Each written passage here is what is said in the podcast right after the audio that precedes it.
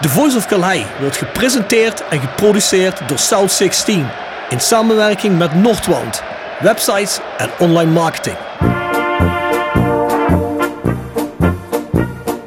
Eriksen, hij komt wel goed terecht trouwens, die uittrap. Eriksen, dit is zijn sterke punt. Van buiten naar binnen komen en dan schieten. Dat is een schitterende goal.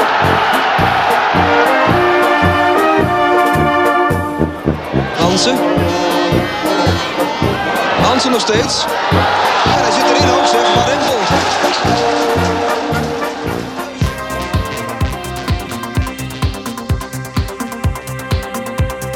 Van der Leur. Arnold. Over de lijn, het is 1-1 of niet? Het is 1-1. Graham Arnold toch weer. De Australische tank. Let op Hansma. En dan is het Sivon die die bal teruglegt op Van der Leur. Hij ramt 3-1 binnen in de 49ste minuut. En dan is de wedstrijd verlopen. toch al zo lang in de club zitten en door samen in geëerd werden. Daar hebben we niet voor gedaan, maar dat is zo gekomen is. Dat deed mij persoonlijk en ook aan het Hendricks enorm. Nu geven, Hadoui als hij rustig blijft. Hij blijft rustig, Roda op 3-1. Ja, dat kon niet uitblijven. Vente komt vrij voor het doel. Hier kan Roda toeslaan. Goppel, en die zit erin. Het is 3-2 voor Roda. Kwartier voor tijd.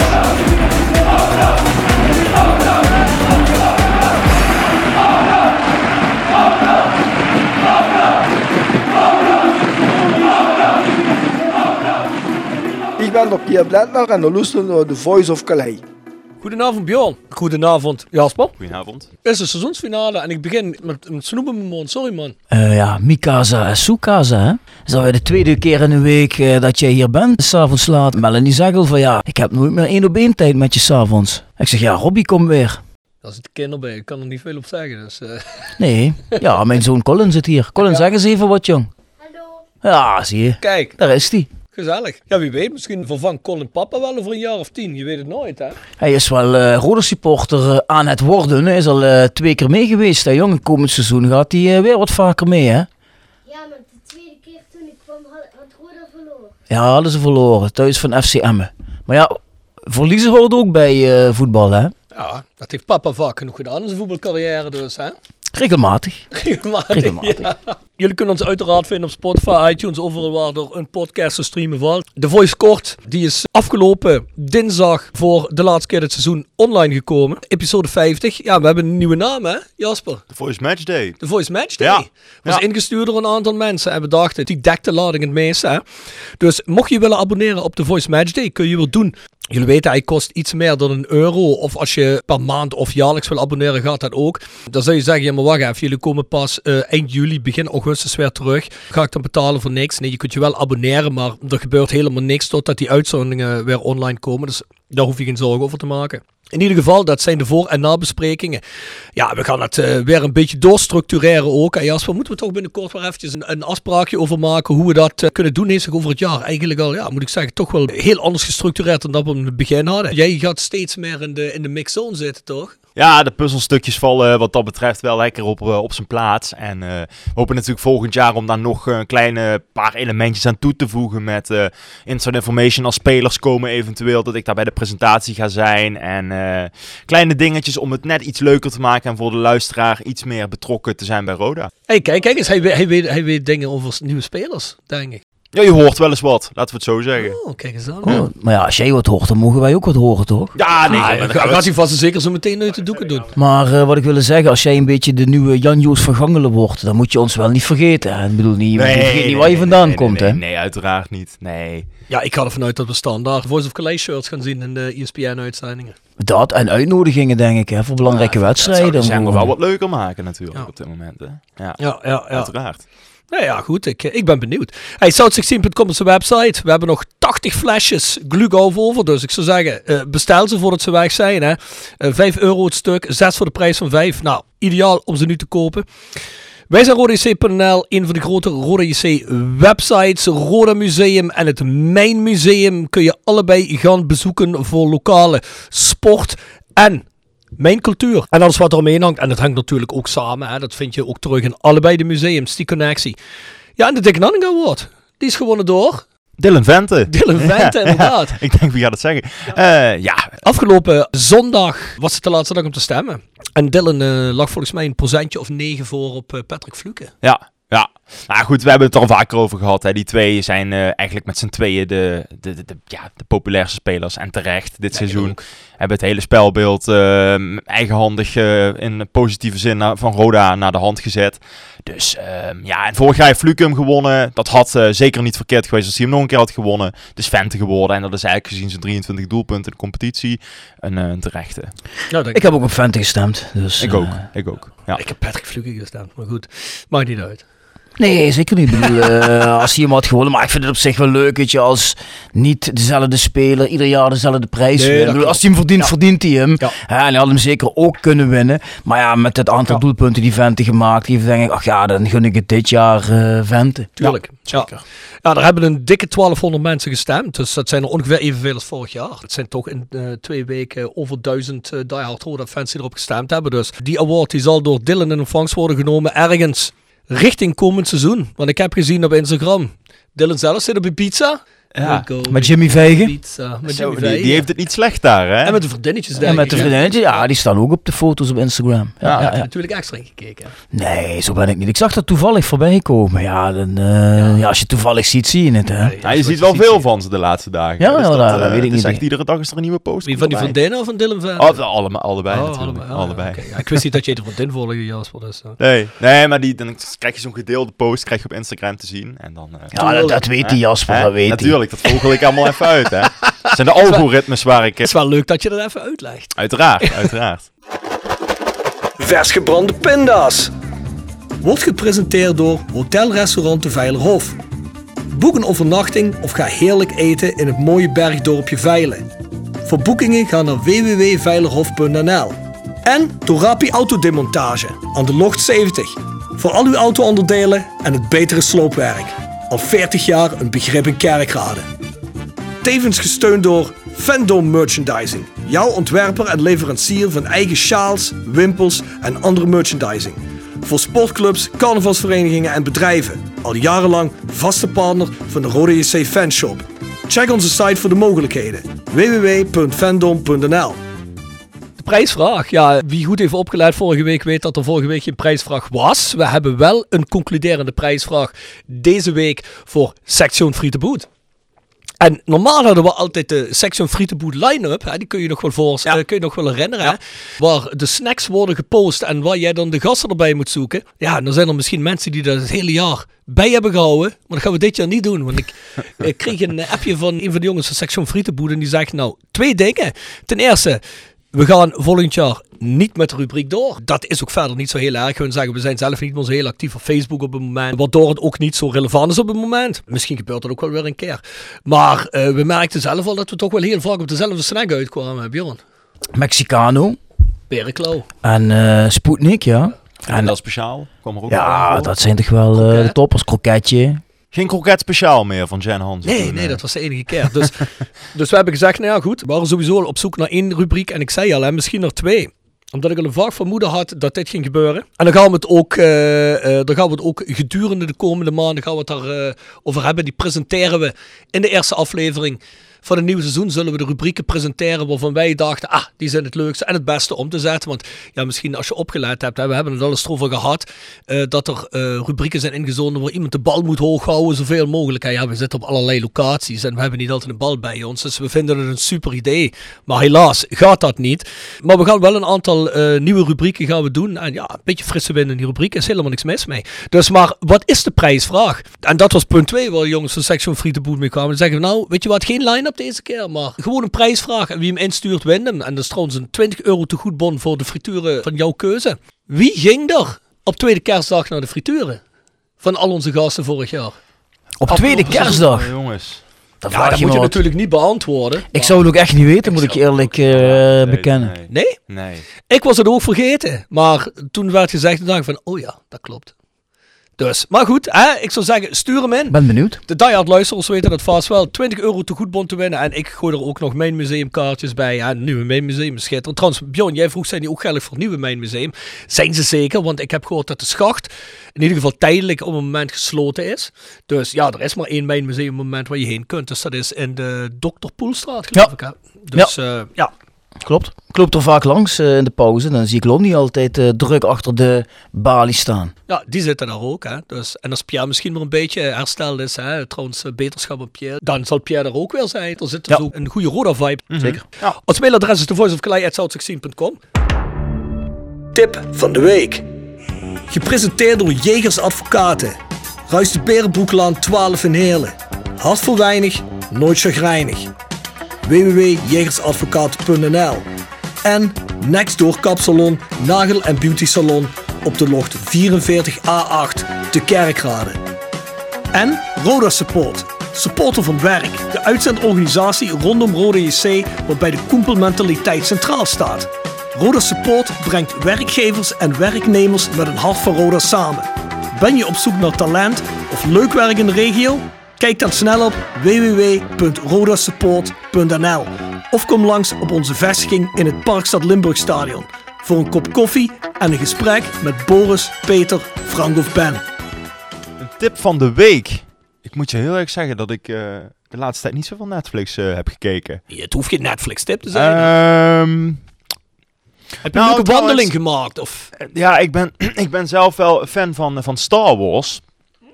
En eh, er is nu een nieuwe eh, serie, een soort spin-off serie. eh, op Disney, kom ik weer met mijn Disney. Die gaat over, over ja, moet je kijken hier, lachers op mijn handel. Ja, ja, zeker. Die, ehm, die gaat over Obi-Wan Kenobi, een van de hoofdpersonages van, eh, van de Star Wars saga. Eh, persoonlijk ook wel een van mijn favoriete hoofd, hoofdrolspelers. En eh, nou, heel erg benieuwd. Nou, de eerste twee afleveringen zijn nu op, op Disney te vinden, te streamen. En de komende, volgens mij acht weken, komen er nog acht afleveringen achteraan, dacht ik.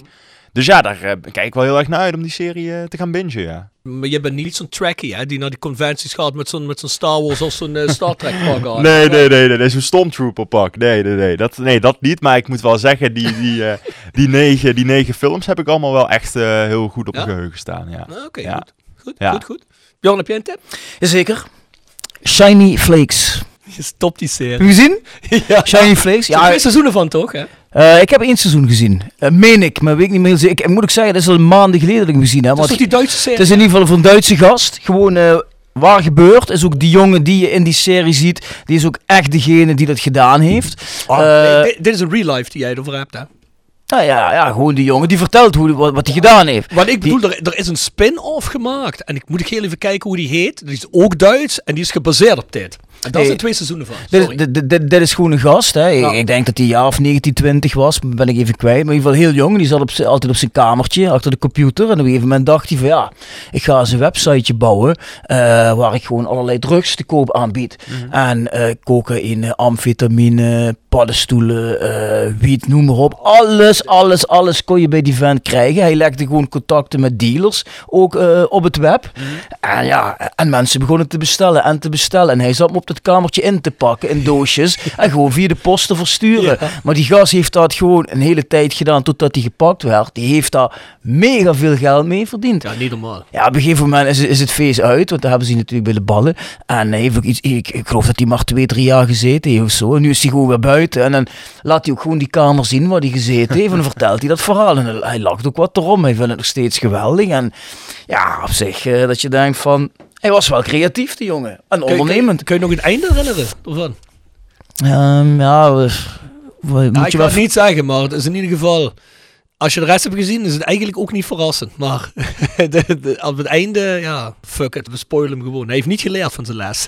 Nee, nee, nee, nee, nee, nee, nee, nee, nee, nee, nee, nee, nee, nee. maar dat is niet normaal als ze bij hem binnenvallen. Hij, nee, maar hij, hij sterker nog, hij straalt gewoon een bepaalde arrogantie Ja. uit. En hij lacht eigenlijk van dat hij dat zo ver gekregen Hij geniet eigenlijk steeds van de aandacht die hij ervan krijgt. Ja, want schijnbaar in de bak is hij ook aan het vertellen. Hè? Heeft hij eigenlijk een bepaald respect omdat hij dit zo heeft opgebouwd. Dus Ja, er ja. wordt eigenlijk ook nog Verheerlijkt, hè? Ja, Ah, verheerlijkt ja. een beetje. Ah. En hij zegt van ja, ik heb hier twee, drie jaar voor gekregen. Ze hebben wel gedacht dat ze mijn vermogen helemaal afgenomen Ah, hebben. Maar die gast heeft gewoon... Ja, die gast die had mega veel geld. Ah, dat was niet normaal. Die, zat, die zei op een gegeven moment, ik kreeg het helemaal niet meer getrokken. Ik was Ja. 24 uur per dag, zat ik drugs in te pakken. Op mijn, gewoon, gewoon normaal kamer. En zijn ouders zaten beneden tv te en kijken. het ding is, zijn ouders kwamen nooit op zijn kamer. Zijn ouders hebben waarschijnlijk bijna nooit iets van meegekregen. Die gast hield zijn kamerdeur dicht en er stonden gewoon op elke vrije centimeter stonden er dozen gestapeld drugs. Dus dat is niet normaal. Maar ze hebben hem volgens mij gepakt omdat hij iets niet slim had gedaan verzenden, volgens mij. Hè? Ah, ik weet het niet meer, ik weet het niet meer precies. Maar ja, op een gegeven moment, weet je wel, dan worden, van de, worden ze een pakje onderschermd en dan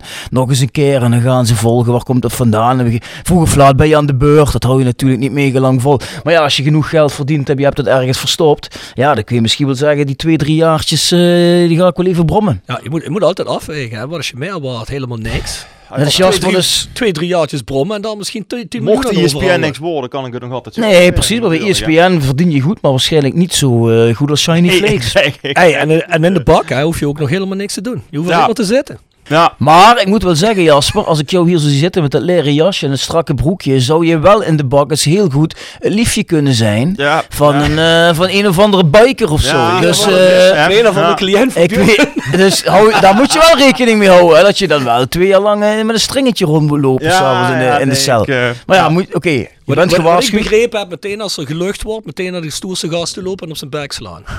En dan hopen dat je het overleeft. krijg ik wat lesjes van jou dan. Nee, ja, nee, ja ik, ik, ik kan je leren hoe je moet slaan, maar of je dat overleeft, kan ik je niet garanderen.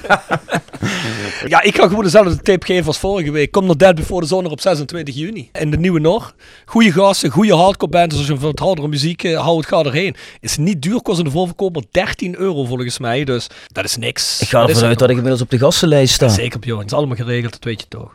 We hebben vandaag geen gast, hè. we zijn vandaag met z'n drieën. Bart Eurling schuift zo meteen om half negen ook nog aan. We zijn om eh, ja, kwart voor acht of zo begonnen. Kon niet eerder. Die eh, kreeg anders problemen met de vrouw. Hij zit een beetje onder de plak, even niet? Ja, luister, als je om half acht niet kunt, terwijl je om, eh hij zal wel om, zoals als een soort ambtenaar werkt, dus je zou wel om half vier thuis zijn. En als je dan om half acht nog niet kunt, ja, dan heb ik me serieuze bedenkingen bij, eerlijk gezegd. Dus ik vermoed dat zijn vrouw zegt, jij moet de kinderen naar bed brengen. Want daar zit je op te wachten natuurlijk.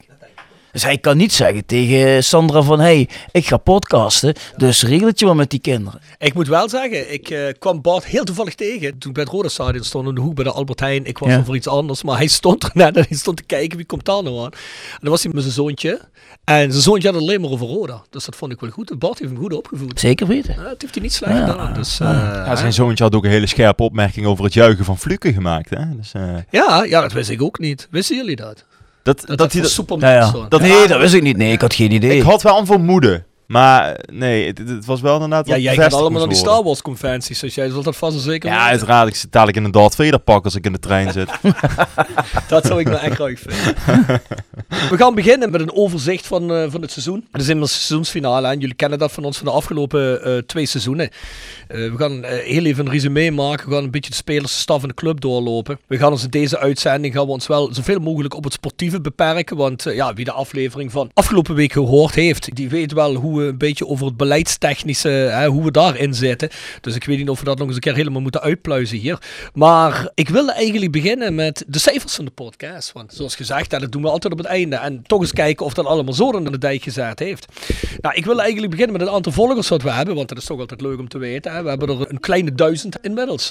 En dat is een groei van een 20, 25 procent is dat. Dus we zijn dit jaar ook alweer gegroeid in volgers. Volgers betekent mensen hè, die op volgen duwen op Spotify of op Soundcloud. Hè, die dan zeggen van ja, wij willen eigenlijk eh, berichtje krijgen of meteen weten wanneer de podcast er is. Maar dat zijn meestal wel de loyaalste mensen. Dat wil niet zeggen dat dat de enige mensen zijn die luisteren. Dat vond ik wel eens eh, top. Op Soundcloud kan ik, eh, kan ik zien wie onze topvolgers zijn. Dus wie het meeste streamen. Wie denk je Bjorn? Ja, dan kom ik weer uit bij Marcel Klombarens. Ah, Kan niet anders. Marcel, topfan, Oostenrijk. Ja. Echte koempel.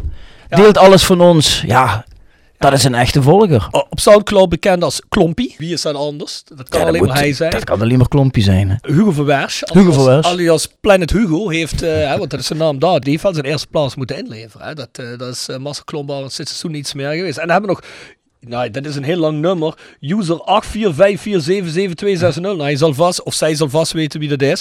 Maar eh, die staan ook in de top 3. Dus eh, dat zijn mensen die ons telkens van de Soundcloud streamen. En zoals ik al zei in het begin, hè, er zijn allerlei platformen vanaf waar je ons kunt streamen. Dus ik zou zeggen, doe dat ook. Zitten er geen folders bij die jij weet of waar je de naam van ziet wat hele opvallende zijn? Bijvoorbeeld bekende mensen of zoiets? eh? Nee, dat kan, ik- dat Nee? kan ik zo niet zien. Kun je niet nee. Nee, want weet je wat het is? Luisteraars moeten dan wel een account hebben. We hebben extra Soundcloud, dat is het platform gekozen om het heen te uploaden. Omdat je bij Soundcloud heel gemakkelijk, hè, die links die Google dan naar jullie Mhm. sturen in de app, Ja. daar kun je gewoon op klikken. En dan heb je geen player voor nodig, je hebt geen extra applicatie nodig, je hebt niks nodig, je hebt geen app nodig, je kunt gewoon direct luisteren. Ja, dat is het gemakkelijkste voor iedereen. Mhm. En daar hoef je ook geen accountje voor te hebben. En mensen die een accountje hebben, die loggen in en daar kun je wel zien wie dat is. Dus nee, dat kan ik niet zien. Dus- je bedoelt dus- Stijn Koster. Ja, nee, of, of, of GGH Amsterdam of zo. Dan wordt die namelijk er wel tussen zien staan. Ja, ja, ja. Ja, dat zou me niet verbazen. Ja, ah, dat was bij de Bom van Peenlijst volgens mij. Ah, jammer. Het is wel een leuke song om eh, lichamelijke oefening op te doen. Dus ja, hè? Ongetwijfeld. ja, hoe moet je dat zeggen? Onze demografie, die verdeeld is tussen vrouwen en mannen, die is eigenlijk niet veranderd sinds vorig jaar. Dat is nog altijd maar 6%. Ja, Jasper zijn tante Gertie, die is daar Ja. ook bij. Heel fanatiek zelfs. Is ook, Maar, eh, eh, die is ook goed voor een eh, percentage van alle mails die gestuurd Eh, worden. Ja, dat klopt. Gertie, we hebben de echtgenote van mijn confrère eh, Frans Niemarkt. We hebben Cindy Hendricks, de vrouw van Ruud. We hebben Maartje, de vrouw van Frank Extra. Dus ja, dat zijn er al vier die ik zo even opnoem. Zijn er al vier? Het zijn er al vier. Ja, en mijn zus luistert ook de laatste Oh ja? tijd eh, wel Oh ja? eens. En Ja. eh, hoe oud is je zus? Die is nu 28. Oh, Ja, ja, ja. oké. ja, maar die zit in het Utrechts op dit moment. Nou, dat mag niet uit. Ja, eens even reclame maken. Dat zijn ook rechtszaken. Ja, hoe een rechtbank. ja, die gaat ook wel eens mee naar uitwedstrijden. Oh ja, laatste en hoe heet ze? Ja, Jolijn. Jolijn. Ja. Ja, maar, ja, maar ma- maak je niet druk. ja. Als hij bij een uitwedstrijd is, dan zal zijn zus wat bij hem zijn. Maar dan zie je hem niet tot in de 93ste minuut. En dan dat zeg ik, hé, hey, daar ben ik. Ja, dat heb ik al meegekregen. Ja, ja, ja, deze gast heel goed in zich verstoppen. Mannen, misschien we luisteren jullie samen met jullie vrouwen, maar ik zie bij Roda best wel veel vrouwen. Ik denk dat er meer dan 6% vrouwen bij Roda ook aanwezig zijn bij de wedstrijden. Dus dames, we horen graag van jullie. En we horen ook graag wat we misschien anders kunnen doen om het interessanter voor jullie te maken. En dan moet ik wel heel eerlijk zeggen, we hebben natuurlijk best wel een laag percentage vrouwelijke gasten. Dan moet ik zeggen, er zitten niet zo ontzettend veel vrouwelijke personen in het Roda-universum waar wij direct opkomen. Dat is misschien ook omdat het mannenvoetbal is. Als Roda misschien hun vrouwenvoetbalteam nog had gehad, zoals, ja, wanneer was dat? 10, 11, 12 jaar geleden. Dat is een hele tijd geleden, ja. Ja. En die waren trouwens helemaal niet zo slecht. Dan hadden we wellicht daar ook al een paar van gehad, maar helaas. Maar als jullie iemand weten, draag het aan. We zijn nog altijd aan het wachten tot Dion Wiers een keer langskomt. hè. Dionne Wiers, een aantal keren toegezegd, is uiteindelijk niet doorgegaan. Maar ze heeft wel gezegd, komend seizoen wil ze toch wel graag een keer komen. Fris RVC-lid bovendien, hè? Dus eh, zeer welkom. Ja, En weer een vrouw. ja 100%, 100%. Want de vrouwelijke podcasten die we hebben gehad, die waren eigenlijk altijd wel interessant, hè? Met ons burgemeester of Corrie Kroon. Lonnie. Lonnie. Hmm. Ja, dus Ja. ja, ik zou zeggen, eh, schuif aan dames. De toplanden dit jaar van waaruit gestreamd werd. Ik heb er op Spotify 5 en ik heb er op Soundcloud 3. En nummer 1 raden jullie. Dat is- Nederland. Dat is Nederland. Wat denken jullie is nummer 2? België. Nee, dat is nummer 3 op Spotify. Ja, Duitsland dan toch? Duitsland, Ja. ja. En wat denk je wat nummer 2 is op Soundcloud, Bjorn? eh, Thailand. De Filipijnen was het toch? Want ook daar zijn er rechtszaken. nee, nee, nee. Ja, nee, de Filipijnen zaten er wel tussen met Ja, een je, aantal ja. streams. Nummer 2 is eh, de USA. Oké. Dus eh, vanuit daar wordt gestreamd. Op Spotify hebben we op plaats 4 Tsjechië en op plaats 5 Engeland. Dus ja. Maar eh, zijn het dan vakantiegangers? Of mensen die daar wonen? Of eh, hoe moet ik dat zien? Ik denk mensen die op een gegeven moment geïmmigreerd zijn, eh, of mensen die op vakantie daar zijn, of mensen die misschien voor hun werk veel daar zijn. Zoiets zal het zijn. Want ja, kijk, ik moet heel eerlijk zeggen, als ik dadelijk in Canada zit en ik zit op mijn vakantie, ja, dan zal ik ook wel wat podcasts luisteren. Ja, en als die mensen die naar die podcast luisteren, dan hebben we ook een aantal streams Ja. vandaar. Maar kijk, het zijn Nee, maar wel leuk op zich, toch? Gewoon Ja, maar het zijn van- geen enkele streams. Hè. Het is niet alsof er twee, drie streams zijn. Dat je weet, oh, er is iemand op vakantie geweest in een bizar land en die luistert dan. Ja, dat heb je bij de Filipijnen en Thailand wel. Maar eh, we hebben het hier gewoon over ja, honderden streams in een podcast gehad. Dus ja, ik vind het fijn om te weten dat mensen ook in den vreemde eh, toch nog die connectie naar thuis halen. Ja, dat waarderen wij. Ja, 100%. Eh, de topsteden dit jaar. Heerlen, Op plaats 1. Kerkrade, Plaats 2. Amsterdam. Nee! Niet? Ik wist dat hij zo komt. Maastricht? Nee, dat zou ik mooi vinden. Sittard. Nee, ja, ook helaas. Danny FSC. Nee, nee, nee, nee, nee, nee. Die zat bij de topluisteraars op plaats 4 volgens mij. Oh, dat is hem. We zitten op Rotterdam dit jaar. Ik weet niet wat er veranderd is. Nou, Excelsior fans waarschijnlijk. Excelsior fans en al die Sparta fans die hopen dat Patrick Fluke bij hun gaat tekenen. Oeh, die kwam op de koffie, hè? Zo, die waren zuur. Ja, ho, ho, ho. Dus hij heeft er niet getekend ergens. Hè? Hij is niet gepresenteerd. Dus jongens, niet de huid verkopen voordat de beer geschoten is. Ah, ik weet dat volgens mij heeft hij wel zijn voorkeur ervoor uitgesproken. Ja, dat zal best. Ik bedoel, ik spreek ook regelmatig voorkeuren uit, maar eh, het gebeurt ook nooit. Maar Servet trouwens, eh, eh, Conference League volgend seizoen hè? Dus Ja, ze ja. spelen Europees. Ja. Ik heb jullie erover gehoord in de voice code. Ik ben het wel met jullie eens, maar Zwitserland als voetballand. Nee, nee, nee. En de competitie Nou, Ben, je dan wel in beeld? Ik weet het niet. Ja, Eh, kijk, dat, precies ja. dat heb ik ook tegen Patrick gezegd toen we met hem samen zaten. Dat was trouwens voor de podcast, want hij zegt, luister, we moeten respecteren. Ik ben met een aantal clubs bezig. Ik wil dat niet in de podcast zeggen, maar weet je wel, nu, nu, nu weten we het toch. Hè, nu is het naar buiten gekomen. Toen noemde hij ook Servet. Hij noemde niet de Nederlandse club, maar ja, toen eh, Bart een grap maakte over eh, Maurice Stijn, toen werd hij opeens heel nerveus. Dus eh, dat zal Sparta zijn geweest. Maar toen er van de week eh, in het nieuws kwam dat hij een principe overeenkomst had met Sparta, toen heb ik geschreven en zei ik, ja, maar ga je echt degradatievoetbal spelen? Dat hoeft niet. Het kan ook zomaar, hè, met die ploegen die er nu in de Eredivisie zitten, het kan ook gewoon maar zijn dat je gewoon voor die laatste playoff plek voor Europees voetbal wil bent aan het spelen. Hè. Zoals Heerenveen dit jaar. Het zou zomaar kunnen, hè. dat had ook Cambuur kunnen zijn dit jaar. RKC, tiende plek. Ja, Bizar. precies. Ja. Maar voor het andere geld speel je wel precies het voetbal wat je dit jaar hebt gedaan. Ja, dan ben je vechtvoetbal aan het spelen. Ja, dan gaat Patrick Fluke gaat denk ik onder op dat niveau. Of hij kan zich niet ontplooien zoals hij wil. En toen het over zijn vet ging, heb ik ook gezegd, vind je niet, want dat andere land, dat was ook niet echt een land waar je echt mega in beeld bent. En dan dacht ik van ja, zou je dan toch liever wachten op iets, om, om te kijken of je hè, toch meer in beeld bent dan, want ja, nu in Nederland, hier, is hij, hier staat hij overal op de radar eigenlijk. Dan zou ik toch een tussenstap in Nederland maken, denk ik. Maar ja, je moet... Nou, ik vind het wel gek, eerlijk gezegd. Ik bedoel, als hij dan... Ik, ik had dat ook al eerder gehoord. Sparta, Go Ahead Eagles had ik eens gehoord. Terwijl ik eigenlijk denk van... Ja, Fluke met zijn speel, Hmm. spel zijn. Ik zou hem ook wel een gast voor Cambuur vinden. Dat is ook wel een eh, ploeg. Publiek erachter, fanatiek, inzet, maar ook wel eh, mooi voetbal. Nou, ja, zou ook publiekslieveling zijn. ja, maar dan denk ik, ja, zo'n club, een transfervrije speler. Ja, waarom komen die niet voor hem? Ja. Dat vind ik op zich best wel apart.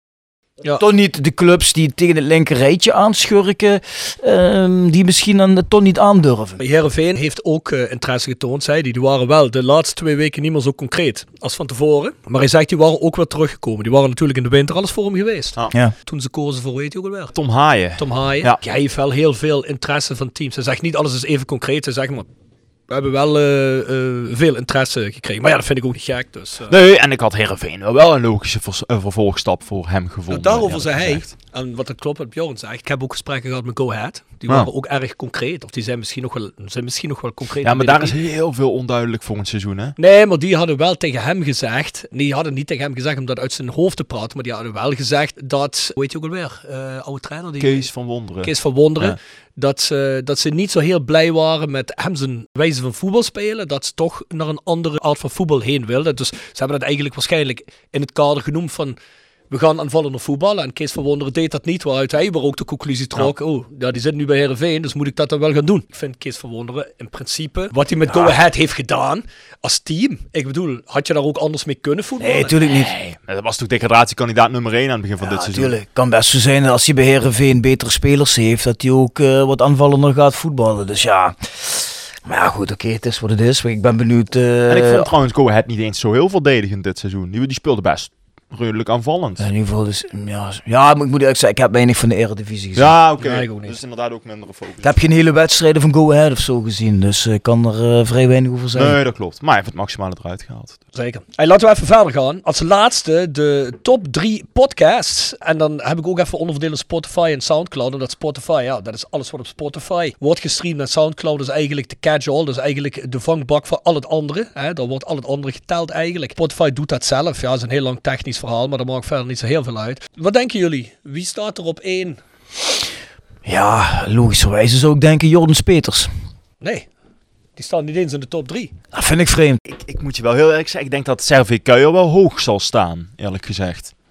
Nee, die staat er ook nog niet bij. Ook nog niet. Nee. Nou, dat wil ik. Dat is een Bjorn Teamester van Zo Nieuws. Nee, ook niet. Niet? Nee. Ja, dat, dat was ook wel. eh, Nee, dat is onze trainer. Jurgen Streppel. Oh ja, Oh, dat was in januari. Ja. Ja, ja, en die ja, staat trouwens ook op Soundcloud op nummer 1. Maar ik denk dat het ook een beetje ermee te maken heeft hoe eerder je in het jaar zit, hoe meer er uiteindelijk wel van je gestreamd wordt. Want er zijn ook mensen die Ja. zeggen van over twee maanden, oh ik ga even een paar dingen terugluisteren. En we komen uit op een totaal aantal streams voor Jurgen Streppen van een kleine 2.500. Dus Zo. dat zijn er best veel. Zeker voor een podcast die pas een half jaar oud is. Dan hoop ik niet dat al die 2.500 mensen gaan, zijn gaan luisteren naar het nummer wat hij in de lijst had gezet van Sound of Calhei. Want die had volgens mij dat die carnavalskraker er toen ingezet. Carletines of weet je Ja, iets met een kale Ons, ons eh, moeder Zee nog had hij erin gezet. nog.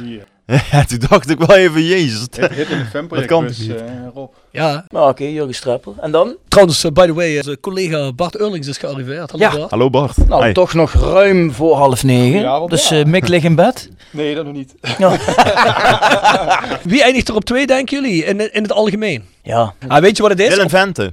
Ja, dat klopt. Ah, Weet je wat het is? Op Spotify en, en Soundcloud heb je toch een soort andere demografie van mensen die luistert. Hè? Ik heb het gevoel dat de wat jongere mensen op Spotify luisteren, Ja. omdat het toch een hippe, nieuwere app is. Hè? Ja. Dat zie je ook een beetje wat er allemaal veel gestreamd wordt daar. En op Soundcloud zijn het wat meer de klassiekere podcasts die daar, eh, die daar hoog staan. Op nummer 2 staat daar bijvoorbeeld Jeffrey van As. Oh op Soundcloud. Ja. Wat natuurlijk evergreen is. De actueels. En van dit seizoen uh, actueel episode nummer 4. Ja, dat zal uh, gegarandeerd een van die episodes zijn waar het over de brandbrief gaat. Die... Um, en nummer 4 was van Van As, van het ontslag. Ah, oké. Okay. Ja. ja, dat, kijk, dat Ja. weet ik zelfs niet eens. Ja. Die staat hoog. Op Spotify is het uh, episode 23 de tussenstand. De tussenstand is ook rond de winterstop geweest. Ja. Die hoog staat. En uh, nou ja, goed, in ieder geval, die van Jurgen Streppel is de hoogste uh, geëindigd. De actueel van het ontslag van Jeffrey Van As is als tweede geëindigd. En Dylan Vente eindigt in totaal als derde meest beluisterde podcast van het afgelopen seizoen. Hebben jullie zelf een favoriete podcast van het afgelopen seizoen, mannen? Nee, ik kan niet zeggen dat ik een uh, favoriete heb. Ik vind dat er een reeks aardige gezeten hebben. En dan blijkbaar ook een aantal die niet, uh, niet heel veel uh, gekozen zijn. Bijvoorbeeld, ja, ik zie hier, als ik even doorheen scroll, Maurice Kleuters. Ik bedoel, een commercieel directeur die net binnenkomt en zijn verhaal doet. Vond ik geen verkeerde podcast. Maar ook kijken, als ik wat verder scroll, Mark Maas, die nog een keer terugkwam en een inkijk gaf in hoe bepaalde dingen gegaan zijn. Hij heeft dat van dichtbij meegemaakt, vond ik wel, met een aantal opzienbare uitspraken. Dat vind ik zelf wel de podcast die ik het meest relevant vind. Mm, ja. Ik vond zelf die, uh, die podcast die je bij de reunie hebt opgenomen, Rob. Dat was voor mij echt de leukste met al die korte verhaaltjes, mm. die korte interviewtjes met die oude ja. gasten. Daarvan dacht ik van ja, die was ik alweer vergeten eigenlijk bijna. Of althans, dat zeg je niet zoveel.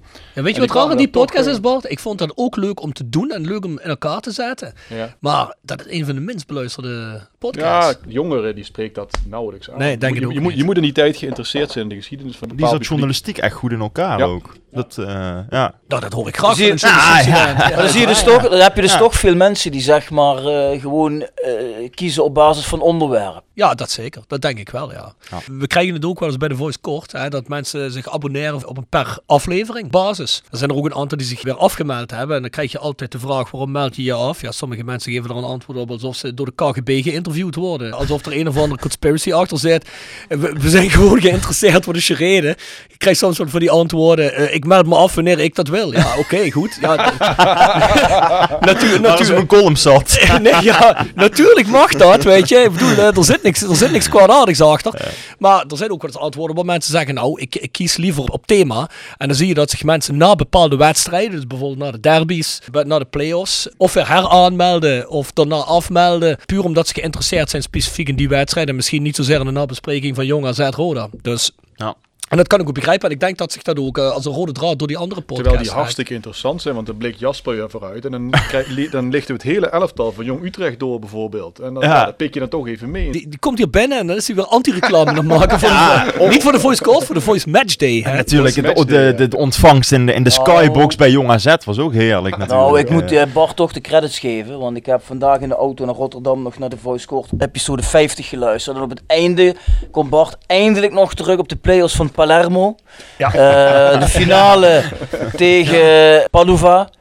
En is, jullie is waren het vergeten. Nee, die is de eerste wedstrijd is nu zondag uit bij Padova. En dan de zondag erop thuis bij Palermo. Maar dat is natuurlijk ook mooi, hè? want het is echt noord tegen zuid. Hè? Padova is echt noordelijk. Hè? Ja, en, en uh, ik hoor van Giacomo Verigi dat het een hele goede ploeg is. Maar dat is Palermo ook. Dus er zijn eigenlijk twee teams die een niveau hoger thuis horen. Dus ook daar gaat weer, net als bij Dresden, Kaiserslautern, iemand zwaar teleurgesteld raken. We zeiden het ook al in de voice kort. Kijk, als we nou op de zaterdag naar Union Sint-Gilloise tegen Anderlecht gaan of zo. Of iets in die trant. Of tegen Beveren, hoe de fuck cares.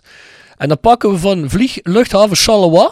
Pakken we een retourtje Palermo voor 40 euro. Is dat geen mooie weekendtrip, Ja, ik boys? zeg doen. Ja, als ik van Melanie mag gaan, dan, eh, dan ga ik mee. Hè. Is goed. Moet je Ja. even met haar regelen. Hè. Je weet, zij beheert mijn agenda. En ik krijg van haar te horen waar ik moet zijn. Ik, ik, ik, zeg, ik zeg gewoon dat ik moet spelen met de band. Dus Ja, ja, je hebt een goede, je hebt een goed excuus. ben ik weg. Dus we Nee, kunnen maar lijkt me zeker, lijkt me je zeker een leuk dus, tripje, ja. eh. Maar heb jij een favoriete podcast? Ja, wat ik net zeg, ik vond die van Servi Kuijer erg goed.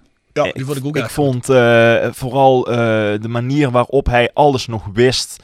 En op de manier hoe hij alles linkte aan de, zeg maar, het verleden, aan de toekomst linkte. Eh, dat vond ik eigenlijk heel, een hele goede eh, ja, eye-opener om eens te zien van, joh, hoe, zie, hoe ziet iemand die vroeger gewoon prima eh, gepresteerd heeft bij Roda, hoe ziet hij de huidige situatie? En daar bleek toch uit dat een aantal zaken gewoon heel goed waren geregeld door Roda, maar ook een aantal zaken nog zwaar wat over geleerd kon worden. En ja, die man is nog zo goed bij kennis ook. Is echt bizar eh, hoe, hoe die alles nog eh Je bedoelt, herinnert. dat, je en- bedoelt dat hij geen Alzheimer heeft. Ja, maar hij is toch wel al vrij oud, niet? Nou, dat viel hem mee hoor. Maar ik bedoel, ik bedoel te zeggen, en dat deed hij heel goed. hij, hij had zich denk ik heel goed voorbereid. Ja. Want hij had het verhaal heel goed in zijn hoofd. Ja, en, precies, en, en, en die podcast met Servet Kuijer, alle drie waren ja, prima podcast, prima. er was maar één minpunt. Dat is dat wij niks mochten zeggen van hem.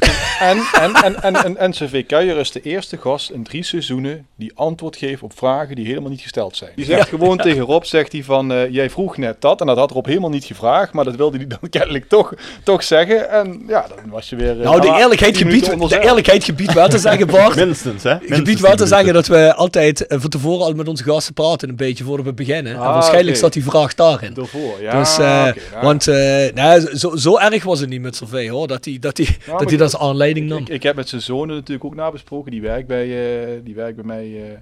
eh, en, Hoe vonden die het? Nou, die heeft genoten. Die heeft, hij moest wel af en toe moest hij twee uur lang in de hangmat reserveren thuis, dat hij even rustig kon, kon luisteren. Maar hij zei van, nou, hij ziet het ook als een soort, ook, ook om later aan zijn kinderen weer te laten luisteren. Ja. Een soort van alsof hij ja, alle verhalen van vroeger zo'n beetje heeft opgedraaid. Dus hij kijkt ook uit naar episodes. Ah, die gaat er zeker komen. Nee, maar dat is eigenlijk ook een soort nalatenschap Ja, in die zin, hè? dat eh, mensen kunnen over tien jaar, bij wijze van spreken, nog terug luisteren van wat heeft hij toen ook alweer gezegd. Ja. Dat is eigenlijk best wel Ja. mooi. En ik moet heel eerlijk zeggen, en ik heb dat al een paar keer gezegd, ook als we zo met elkaar praten, maar ook in het kader van wat er op het moment bij Roda allemaal speelt. Maakt niet uit wat Survey Kuijer in het verleden voor fouten misschien heeft gemaakt, of dingen die die beslissingen waarvan je zegt van ja, daar waren we toen niet zo blij mee. Het model wat hij daar uit de doeken doet voor Club Roda, dat is wel een model. Als we dat zouden kunnen toepassen, dat we echt spekkoper zijn, denk ik. En daar moet je de juiste mensen voor hebben. Maar eh, eh, daarom is het ook best jammer dat mensen zoals een Survey Kuijer misschien niet als adviseur nog altijd aan een club verbonden zijn. Hè? Eh, Als een soort raadgever. hè? Nee, maar dat zei hij volgens mij ook treffend in die podcast. Dat het misschien wel een idee is om gewoon eens in de twee, of, eh, twee keer per jaar of eh, zoiets, drie keer per jaar met, eh, met de, de algemeen directeur samen te zitten. Dat hij daar zijn licht over laat schijnen over hoe hij dat in die situatie toen nog tijd had gedaan. Hoe hij het nu zou linken aan het heden. Op zich wel een idee, natuurlijk. Ja. Nou ja, goed. Jolis Jo wordt gepresenteerd door RodaJC.goals. Het Instagram-account voor je dagelijkse portie Roda-content. Iedere dag een doelpunt uit onze rijke historie. Van Aruna Kone tot Shane Hanze. Van Bob Peters tot Dick Nanninga. Volg RodaJC.goals op Instagram. Nog geen zonnepanelen op uw dak? Bij Marimi Groep in Kerkrade en Heerlen bent u op het juiste adres voor duurzaam advies. Bespaar direct op uw energienota met een hoogwaardig zonnesysteem van Marimi Groep. Marimi Groep werkt uitsluitend met hoogwaardige zonnesystemen die voldoen aan alle eisen van de grootste keurmerken in de solarbranche. Kijk op marimi-groep.nl en maak een vrijblijvende afspraak voor professioneel advies op maat. Van advies tot montage, alles in eigen huis. Persoonlijk contact staat bij ons op nummer 1. Marimi Groep, als kwaliteit uw keuze bepaalt. Tevens gesteund door Metaalgieterij van Gilst. Sinds 1948 uw plek voor gietwerk in brons. Van brons, van Gilst. Jasper, heb je er een? Moet ik even graven, want we hebben er natuurlijk heel veel gehad die al meermaals zijn, eh zijn voorbijgekomen. Dan ga ik terug naar het jaar 2011. En dat was een schitterende uitwedstrijd bij FC Groningen. FC Groningen-Roda en sowieso een mooi seizoen. 2010-2011 is denk ik eh, recentelijk het meest succesvolle seizoen in de Eredivisie geweest wat we gehad hebben. Zesde plek uiteindelijk. En dan wonnen we daar met 1-4. En het was een, eh, een aanval die uiteindelijk terecht kwam bij Jonker. Maar daar ging een hele corner aan vooraf. Waar de bal eerst door Vormer volgens mij eh, randje 16 werd geschoven op eh Hemte. Hemte zag Ja- Jansen vrijlopen. Bij, de, bij de tweede paal was het volgens mij. En Jonker stond daar bij de eerste paal keurig te wachten op, eh, op het balletje. En dat schoof hij keurig naar binnen. En die wedstrijd was tegen Groningen. Want Groningen was toen de nummer 3 volgens mij. En toen won Roda daar met 1-4. Terwijl niemand in de Euroborg won dat seizoen. En die goal staat mij nog wel echt eh, helder op mijn netvlies. Want het was Ja, dat sowieso blijkt wel. Een, schitterend se- een schitterend seizoen om te volgen. Ik was toen zelf net 11. Daar werd je wel trots als je in de regio Maastricht met je Roda-hart eh, rondliep. Mooi, is goeie. Ja. Heeft nog iemand anders een die die wilt zeggen? Of hebben jullie zoiets van, nou, het hoeft niet hoor. Nou, Bart zit hier naast me. Ik heb een aantal legendarische momenten met Bart meegemaakt. Zoals jullie weten, Hisham Faik uit bij Excelsior. Hè? Dat bedoel, daar herinnert hij me nog vaak genoeg aan. Maar een ander legendarische avond... Ja. Een andere legendarische avond was eh, 23 december 2012. VVV Roda. Die goal van Mark-Jan Flederis is daar al gekozen. We stonden met 2-0 achter. We wilden al bijna de bus instappen. En binnen 10 minuten scoort Roda vier goals. En dan, dan wil ik die kiezen van Laurent Delorge. Die met buitenkantje rechts die bal heel tergend langzaam in de lange hoek draait. Ja, dat was echt genieten op die tribune. Dat was de wedstrijd waarin jij op de heenweg zei van eh, die hebben Guus Joppe en Niels Fleuren, die kunnen niks, dus daar kunnen we niet verliezen. Dat was die hè, die stonden we 2-0 achter. Ik zei ook nog van, die hebben ook nog een man zonder nek, Barry Maguire. Barry Maguire, En die maakte toen ja, ook nog de 2-0. Ja, toen wou ik toen zeg ik, ik ga terug naar huis. Maar ja, op dat moment... Eigenlijk, eh, eigenlijk is Bjorn Jegers een beetje de Jasper Klute van een jaar of tien geleden. Hè? Nou, inderdaad. De jinxer. Het scoorde Nikolai Lebedinski volgens mij ook ja, trouwens. Lebedinski Ja. en Arno Suchewinjum. Ja, en Flederis natuurlijk met die knal. Dat was Ja, natuurlijk dat was ook een schitterende goal, ja. Ja, die wedstrijd was bizar. Dat was 60ste minuut stonden we 2-0 achter. Dat was kansloos. En toen in één keer in 10 minuten tijd of zo, denk ik. Ja, gewoon een 10 minuten tijd, ja, achter elkaar, vier goals. Ja, dat was Ja. Echt eh, een schitterend. penalty tegen een rode kaart. Hè. Ja, Danilo. vier. Ja, de topverdediger van, Die, eh, die van hield eh Courto eruit. Toen waren het nog wel even billen knijpen af en toe, maar prima overwinning. Ja. Ja, zeker. Laten we het resume even trekken op een sportief aspect van het afgelopen seizoen. De Phoenix groep zei top 5. Ja, dan zou je zeggen, dat hebben, dat hebben we gehaald. Ja. ja, wat trekken jullie voor, eh, voor conclusie uit het sportieve gedeelte dit seizoen? Zeker ten opzichte van het seizoen ervoor. Ik schuif hem door. Nou, ik, eh, ja, kijk, we, we doen natuurlijk in die voice eh, kort. Afgelopen seizoen doe je dit iedere keer per, per wedstrijd beschouwen. En dan, dan, dan, dan zoom je niet meer zo heel erg uit. En dit, deze podcast leent zich daar wel voor. Ik denk, hè, want als, als als we voor het seizoen nog eens even terugkijken van waar we, hoe we er toen tegenaan keken, toen waren we helemaal niet zo positief, weet ik nog. Dat Eh. Het aantal versterkingen viel tegen, de selectie was smal. We waren eigenlijk best wat spelers kwijtgeraakt die, eh, die basisspeler waren. En die waren nou op zijn, in het meest gunstige geval ver- vervangen. Hè, denk aan bijvoorbeeld Luiks voor eh Joppe voor Luiks. Maar bijvoorbeeld Valkenburg was weg. Er was eigenlijk niemand noemenswaardig voor in de plaats gekomen. We hadden al Vente en Sararens. Sararens viel weg en daar kwam ook niks voor in de plaats. Ja, dat is Emmels voor terugkomen toch, voor eh Valkenburg. Ja, klopt. Nee, je hebt gelijk. Daar heb je gelijk in. Ja, eh bij feiten blijven. Goppie, Goppie, nee, Goppie vertrokken en daar kwam dan eh Limbom voor terug. Was ook een beetje Ah, onbeschreven Danny Bakker blad. toch ook wel. Danny Bakker hadden we Ja. inderdaad nog. Die, die is eigenlijk niet vervangen. Nee. Eh, dus ja, weet je, als je zo kijkt, dan, dan, dan, dan waren er voor mijn gevoel zeker niet op vooruit gegaan. En dat was nog eens een keer een smalle selectie ook nog. En dan zie je wel dat we daarin eigenlijk wel optimaal geprofiteerd hebben van de patronen die er al waren. En eigenlijk al een beetje vanaf het begin van het seizoen. Ik vind dat we in bijna iedere wedstrijd de tegenstander in een hele grote fase onze wil hebben kunnen opleggen. Maar ik denk ook dat als je het helemaal terug beschouwt, dat we eh, ja, op de cruciale momenten net tekort kwamen. Eh, net niet koelbloedig genoeg voor het doel, net niet scherp genoeg in de verdediging. Waardoor de marges iedere keer eigenlijk te klein waren en we op die manier heel veel wedstrijden gelijk gespeeld of nipt verloren hebben. Die, eh, ja, die als je echt aanspraak kon maken op de top 2.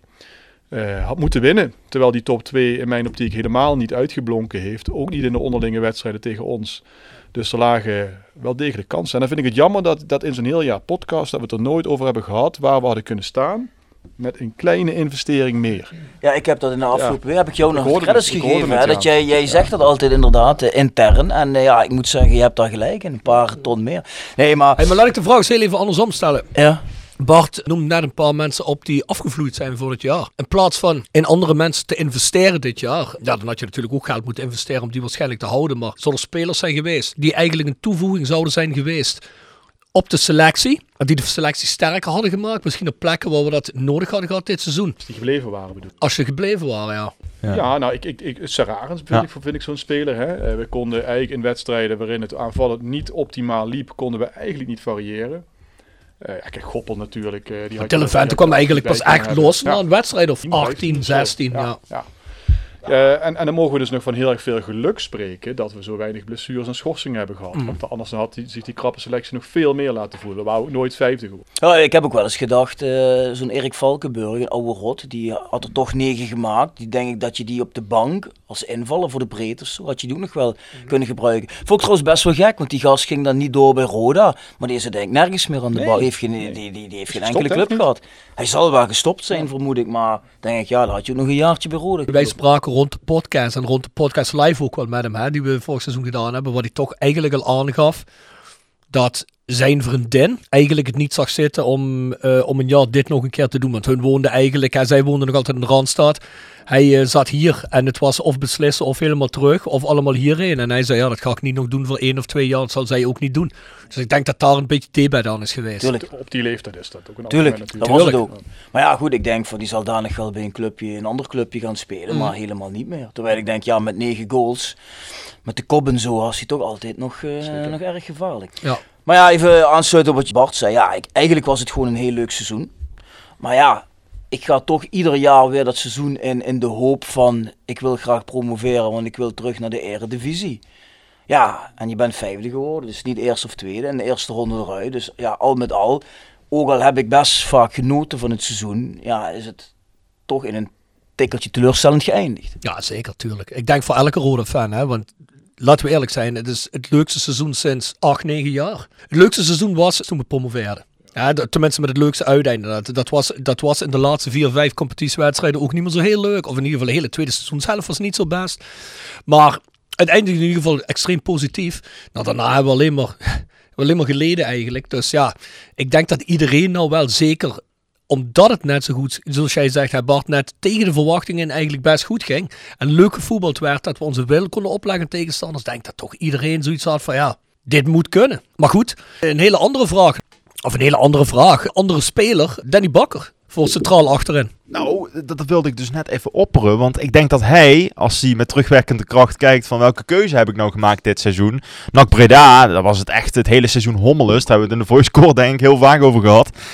Nee, ik denk dat hij een prima toevoeging was geweest voor de, voor de centrale verdediger eh, op de linkerkant. Helemaal in het systeem dat Roda speelde. Want je ziet toch, bij NAC kwam die in een heel ander systeem terecht. Een beetje toevalsvoetbal. Ja, en dan worden de balletjes breed op eh, Dion Malone gegeven. Wat ook niet echt een, eh ja, een Beckenbauer is, om het maar zo maar even te zeggen. Ik denk dat hij een hele goede toevoeging was geweest voor dit Roda. Oké, hij was verdedigend nog niet sterk, maar wel een stuk beter dan, dan Jens uiteindelijk. Nou, dan maak je wel een mooi bruggetje, Jasper. Want ik wil ook heel eventjes gaan kijken naar wat vonden wij nou eigenlijk van de spelers van vorig seizoen. Aan de hand van een punt misschien. Ik wil het wel een beetje houden bij de eerste 12, 13 spelers die het meeste gespeeld hebben. Om de Ja. hele reservebank af te gaan zie ik niet zo zitten. Eh, zou ook niet eerlijk zijn bovendien. Hè? Maar laten we beginnen met eh Rodi de Boer. Jasper, jij mag aftrappen. Rodi kwam binnen als een, eh, een keeper waarvan ik dacht, nou, dat is, daar spreekt wel ambitie uit. Eh, je haalt iemand los, of je weekt iemand los bij AZ, die bij de Graafschap gewoon een volledig seizoen in de basis gespeeld heeft. Ik had eerlijk gezegd nog niet heel veel van hem gezien, eh, kwalitatief gezien. Ik dacht, Maar- we moesten een punt geven. Nee, daar kom ik ook heel snel op hoor. Maar eh, k- ja, blinkt eigenlijk wekelijks uit in, in ja, fratsen, ja, circus, actjes, de bal achter zijn standbeen. Eh, ook niet al te zeker met, met reddingen. Viel een keer met de bal eh, en al de goal in. Herstelde zich aan het eind van het seizoen. Maar het wordt eh, gewoon een, eh, helaas een 5,5 voor Rodi. Maar ik vond Rodi de Boer van eh, de tweede seizoenshelft en het einde vond ik wel wat sterker dan in het begin. Dus sowieso een 6. En ik moet zeggen, eh, van waar ik zit in de skybox, kijk ik recht naar beneden. kwam. Naar de vriendin van Rodi de Boer. En dat is altijd zo'n leuk uitzicht, dat op basis daarvan ga ik naar een 6,5. Precies, ik wil net zeggen, half punt erbij. Half Ja, punt erbij. ja. Half maar. Dankzij Femke. Vind ik wel een beetje minder voor. Ik dacht dat dat wel naar een 8 gemiddeld ging. met haar. Nee, dat wordt wat te Nee? gek. 6,5. Femke zelf wel. Ik vond hem wel in de playoff wedstrijd, hier thuis zeg ik zelfs, vond ik hem extreem goed. Ja. Het was dan ook veruit zijn beste wedstrijd. En ik, ik bouw daar dan ook mijn hoop op, dat hij dat vooral aan zichzelf heeft laten zien. Als ik gewoon serieuzer ermee bezig ben, dat hij dat misschien elke wedstrijd probeert vol te houden, dit niveau. Want ik heb hem zo nog niet zien keepen. Ik denk dat we die jongen moeten steunen en, en moeten hopen dat hij dat laatste niveau toch eh, vaker kan laten zien. Mhm. Want ik heb geen enkele illusie dat Rode een andere keeper Nee, gaat halen. Die jongen is sowieso al te duur om daar een andere nog naast Ja, te gaan zetten, hem op de bank te Nee, zetten. dat gaat nooit gebeuren. nee. Dus die jongen die, die staat de komende twee jaar onder de lat. Dus we moeten gewoon zorgen, op zijn minst, dat we een betere verdediging krijgen. Nee, maar je ziet wel dat de potentie er is aan die laatste wedstrijd. Hè? Nou Rode de Boer, een zesje van mij. Dan gaan we naar de rechtsbackpositie. Absalem, ja, vind ik geen heel slecht seizoen gehad hebben. Aanvallend altijd zijn waarde. Verdedigend een aantal wedstrijden. Volgens mij Almere City thuis vooral wat dramatisch was. Voor de rest kan ik niet heel veel individuele fouten herinneren van hem die tot tegendoelpunten hebben geleid. Dus eh 6,5. Ik denk dat hij gaat blijven. En daar kan ik mee leven. Ik ga voor een eh 5,5. Eh Absalem vind ik echt een van de teleurstellingen van dit seizoen. Heeft zich in mijn optiek niet doorontwikkeld. Is nog even onrustig en onstuimig als eh, toen hij binnenkwam. Sterker nog, toen hij binnenkwam, die eerste wedstrijd, die vond ik juist heel indrukwekkend. Daarna werd het kwakkelen. En was ook weer de eerste speler die uiteindelijk bij Excelsior uit, eh, voor- in mijn optiek, echt door de mand viel. Ja. Dus daar ga je ook, hè, net als Rode die Boer, daar ga je eh, sportieve ambities, echt top KKD, daar kun je niet op dat soort jongens bouwen. Maar ja, haal maar eens een betere linksback. Ja, ook daar gaan ze geen andere halen. Nee, dat, eh, als, als hij het bijtekent, dan blijft hij. Ah, Nee, oké, maar goed als hij niet bijtekent. Vind maar eens een betere linksback. Ik, ik vind Jensen in die wedstrijd die daar gespeeld heeft, vind ik al veel stabieler. En dat is niet, die heeft niet die aanvallende impulsie die hij heeft, maar ook dat, ja, als ik ga kijken hoe zijn assist aantal, dat is nou ook niet echt dat je zegt eh, dat gaat tussen de 5 en de 10 of zo eh, zitten in een jaar. Nee, maar ja, in combinatie met eh, Patrick Fluke Fluke. heb ik toch wel menig prachtig 1-2'tje gezien. Op die... Verdedigend, Excelsior eh, halen we net aan. Ja, dat was zo erg. En het zijn ook echt momenten dat je net bepaalde spelers nodig hebt. En een linksback is gewoon hartstikke belangrijk voor een defensie. En zeker op het moment dat Marwan Azarkan en eh Reuven Niemeyer op je afkomen.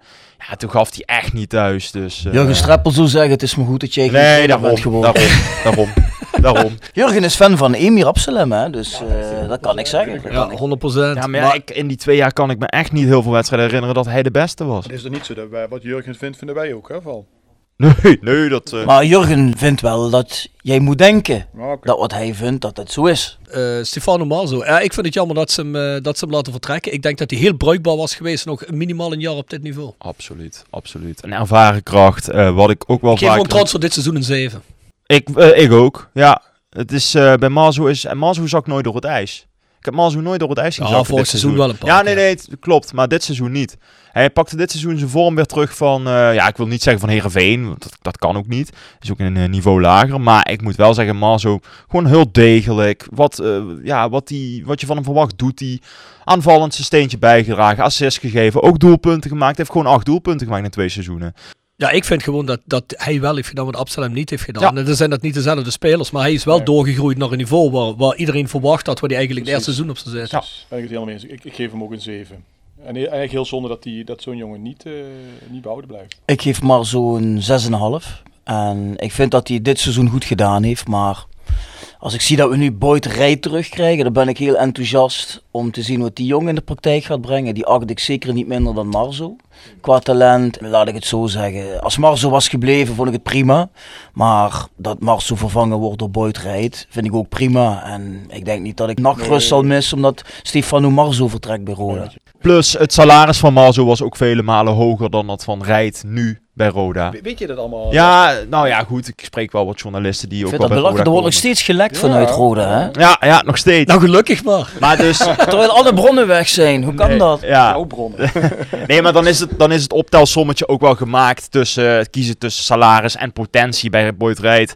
Ja, dat is niet voor niks dat daar de Eredivisie achteraan zat. Hè. Dat Roda de strijd van Kambuur heeft gewonnen daarin. Dat is eh, ja, bewonderenswaardig te noemen. Goed, we gaan even door. Richard Jensen, vriend van de podcast. Ja, dat, dat Jammer, all-around sympathieke gast. Een van de leukste podcasts van afgelopen jaar trouwens. Ja, Ook. ja zeker, zeker, zeker. Heel veel eh, goede e-mails ook over gehad. Ook van de, eh, de tante van eh Jasper. Is Die er eigenlijk heel graag hem nog een keer gezien had in de podcast. Hey, Ja, maar en de gevlogen, gevlogen betekent niet dat hij niet nog een keer terugkomt. In de podcast, hè. bij Roda wellicht niet. Ja, ik vond dit seizoen eh, vond ik hem iets minder. Zeker in het begin niet, maar de tweede helft van het seizoen, nadat hij geblesseerd is geweest, heeft hij er eigenlijk nooit meer aan kunnen, kunnen aantippen waar hij zat. Hè. Behoudens die uitwedstrijd bij Emmen, waar die echt Ah. Er doorheen zakte, ook weer niet echt super zwakke wedstrijden kan, eh, kan herinneren. Maar inderdaad, niet, niet, ook dat weer niet de sterkhouder die, eh, die je nodig hebt. En een echt, echt ambitieus. In ieder geval ook een jongen waarvan ik wel begrijp dat je na, na drie, vier jaar Roda zegt van ja, we gaan eens wat anders eh, Die, die, halen. wordt- die wordt niet beter dan dit. Nee, nee. Nee, te langzaam ook hè. Voor eh, centrale verdediger. En ik denk dat dat wel een heel belangrijk punt is voor eh, het spel wat wij willen spelen. Dat je snelle eh, centrale verdedigers hebt die ook snel mee terug kunnen. En op basis daarvan toch wel een, een 5. Ik begreep van hem dat hij met Roda in het midden van het seizoen gepraat heeft om te blijven. een aantal keer zelfs, maar dat het is vastgelopen. Dus dat zal ook op salaris zijn geweest, vermoed ik dus. Maar goed, jammer. Want ja, dat zijn toch, zoals in Duitsland zeggen, sympathietreger. En ja, goed, dat doet altijd een klein beetje pijn, als die dan gaan. Dan hebben we Guus Joppe. Ja, als je naar mij kijkt, vond ik eh, verreweg de stabielste verdediger. Eh, misschien één wedstrijd of zo eh, waarvan ik dacht van ja, nu ben je wel slecht. Voor de rest vond ik hem altijd zeer degelijk, tot goed. Dus Joppe geef ik voor dit seizoen een 8. Vooral ook omdat ik me er vele malen minder van had voorgesteld. dat weten we. Ik weet nog dat eh, bekend werd dat die kwam. Toen dacht ik ook, als dit het ambitieniveau gaat worden van de spelers die we gaan aantrekken. Vooral omdat hij ook niet meer de jongste is. Nee, het was bij Helmond Sport eigenlijk al. eh, dat heb ik ook ge- gevraagd deze week aan, eh, aan mensen die bij, bij Brabants Dagblad zitten. Van hoe zit het bij Helmond Sport? Was die echt daar een vaste waarde? Nee, daar wilden ze van hem af eigenlijk. En ja, als je dan gaat kijken dan, dat hij bij ons komt eh, via de achterdeur. En dat hij zich toch tot een hele stabiele factor heeft eh, ontpopt. Eh, niet voor niks ook een van de kanshebbers op de, de Dick Nanninga Award geweest. Gewoon een eh, hele decent eh, indruk gemaakt. 7,5 voor Guus. Ik ga ook ik ga met Bjorn mee voor de 8. Dus heeft voor mij echt de verwachtingen overtroffen. Dit een van de spelers waar je denk ik nog prima een jaar op kunt voortbouwen. Ja. Komen we uit op uh, Daryl Werker. Dan ben ik toch benieuwd, jongens. Bjorn Jegers zei, Daryl Werker gaat niet spelen, want Richard Jensen, dat is de man voor Jurgen Streppel. Wat ik ook goed kon begrijpen dat Bjorn het zei, want hij koos ook tegen, soms tegen de verwachting in voor Richard Jensen. En bovendien, het was de captain van de elftal. Maar Bjorn, uh, ben benieuwd wat jij zegt, wat Daryl Werker voor punt krijgt van jou. Daryl Werker, die uh, heeft beter gepresteerd dan ik vooraf gedacht had. De werker wat ik me van de, de laatste twee seizoenen bij Rode kon herinneren, had hij regelmatig een slippertje wat tot een tegengoal leidde. Of een pengel tegen, weet je wel, onhandig, een beetje onbeholpen. Op ballen waar hij onderdoor ging, maar dat heb ik dit seizoen eigenlijk niet gezien. Dus uh, ik geef Daryl Werker een 6,5 voor zijn bijdrage. Maar ik blijf wel van mening, dat wil je met Roda om het kampioenschap spelen of zo, is hij een ideale reservespeler. Ik vind hem geen speler uh, in de basis bij een club die om directe promotie is. Ik geef hem ook een 7, maar puur op basis van dat natuurlijk goed gedaan heeft. Maar uh, ook op basis van dat hij niet het hele seizoen gespeeld heeft. En dat hij in het begin moest doen met, uh, ja, met hele kleine invalbeurtjes. Ook soms banale dingen, laatste vijf minuten erin en zo. Ja, ik weet het niet, maar ik heb toch echt een indruk van die, van die laatste anderhalve maand van Daryl Werker. Of die laatste twee maanden misschien zelfs. Dat hij er constant in heeft gestaan door schorsingen, uh, blessures van Joppe en, en Jensen. Hij bleef altijd wat staan. Ik krijg wel een vibe van Daryl dat hij, dat hij eigenlijk nu pas aan een verwachting begint te doen. Die ze eigenlijk bij Roda een jaar of twee, drie geleden van hem hadden. Want toen willen ze dat hij de leider van het elftal zou worden. Nou, dat had hij gewoon niet in zich. Misschien heeft dat jaar Griekenland even misschien goed gedaan. Om een keer gewoon helemaal weg van thuis te zijn. Niet thuis te wonen, want die jongen die komt uit Mechelen hier. Uh, die is niks anders gewend dan het Heuvelland hier naar het stadion te rijden en lekker weer terug te gaan. Het heeft misschien eens goed gedaan. Uh, en ik, ik ben me helemaal niet zo zeker of hij wel niet kan uitgroeien tot een speler uh, waar, je, waar je wel op kunt rekenen. Want ik vond Daryl Werker naast Rudi de Boer de meest stabiele speler in die playoff uh, wedstrijd tegen Excelsior. Tegen Excelsior, ja. En dan vond, dan vond ik hem ook heel geroutineerd uh, volgens hem verdedigen. Ja, natuurlijk. Zeker heeft hij zijn foutjes en dergelijke. Maar ik, kwam, ik vind hem veel zekerder overkomen. Ik heb hem een paar keer de bal gewoon over de zijlijn zien rossen. Waar andere spelers zoals Absalem en, en ook Marzo trouwens het probeerden voetballend op te lossen. Waar ik denk, ja, dat is misschien iets meer wat Roda nodig heeft. Is hij een topspeler? Nee. Wordt hij waarschijnlijk doorgeselecteerd als we naar de Eredivisie gaan? Zou heel goed kunnen. Maar ik vind hem misschien, eh, zou het wel eens een verrassing kunnen worden komend seizoen als hij eh, vaker opgesteld wordt. Dat hij misschien toch wel eh, gewoon een baasspeler is waarop gerekend kan worden. Ja, ik vind dat je minimaal één centrale verdediger moet halen die beduidend beter is dan Werker en Joppen. Ja, Gewoon nee, beduidend beter. Nee, zeker, maar daar wil ik ook heen. Iemand van het niveau El Jacoubi. Ja, je, Ja, nee, maar ze lul van de fan, maar hey, die doet onze verdedigers de, de broek uit. We hebben een voice code ook over gehad. Dat is precies wat Bart nu aanhaalt, dat punt. Geweldige centrale verdediger, geweldig. Nou ja, het- hij, eh, hij vindt dat in ieder geval voor zichzelf wel, ja. Dus, eh, Ja, en ik deel die mening. En weet je wie die mening ook deelt? Jeffrey van As. Ja, dat zal best. ESPN niet, hè? De analisten bij Nee? Niet. Om heel even terug te komen, Daryl Werker. Centraal vond ik Werker beter als Guusje op in de laatste twee, drie wedstrijden. Daarom zeg ik ook, ik ben me helemaal niet zo zeker, ook al zet je daar een veel betere centrale verdediger naast, dat dat per se Guusje Oppen wordt. Want er zijn ook veel mensen die waren ervan overtuigd, ah, als Jensen uit de blessure terugkomt, dan staat Jensen er gewoon weer. Nou, dat is één wedstrijd gebeurd. Toen is Jensen uitgewisseld en dan heeft hij er niet meer in gestaan. Dus hè, ik, ik, wil, ik wil maar zeggen, Werker heeft zich op een niveau teruggeknokt dat als hij dat kan doortrekken, dan weet ik het nog niet. Ja, maar goed. maakt maakt het niet uit wie van de tweede is. Als er maar eentje bij Tuurlijk. naast staat die echt een absolute zekerheid is. Nee, dat er een, als iets moet gebeuren, dat is duidelijk. The Sound of Calhei. Gepresenteerd door www.gsrmusic.com. Voor muziek en exclusieve merch van Born From Pain, Madball, Death Before Dishonor, Archangel en nog veel meer.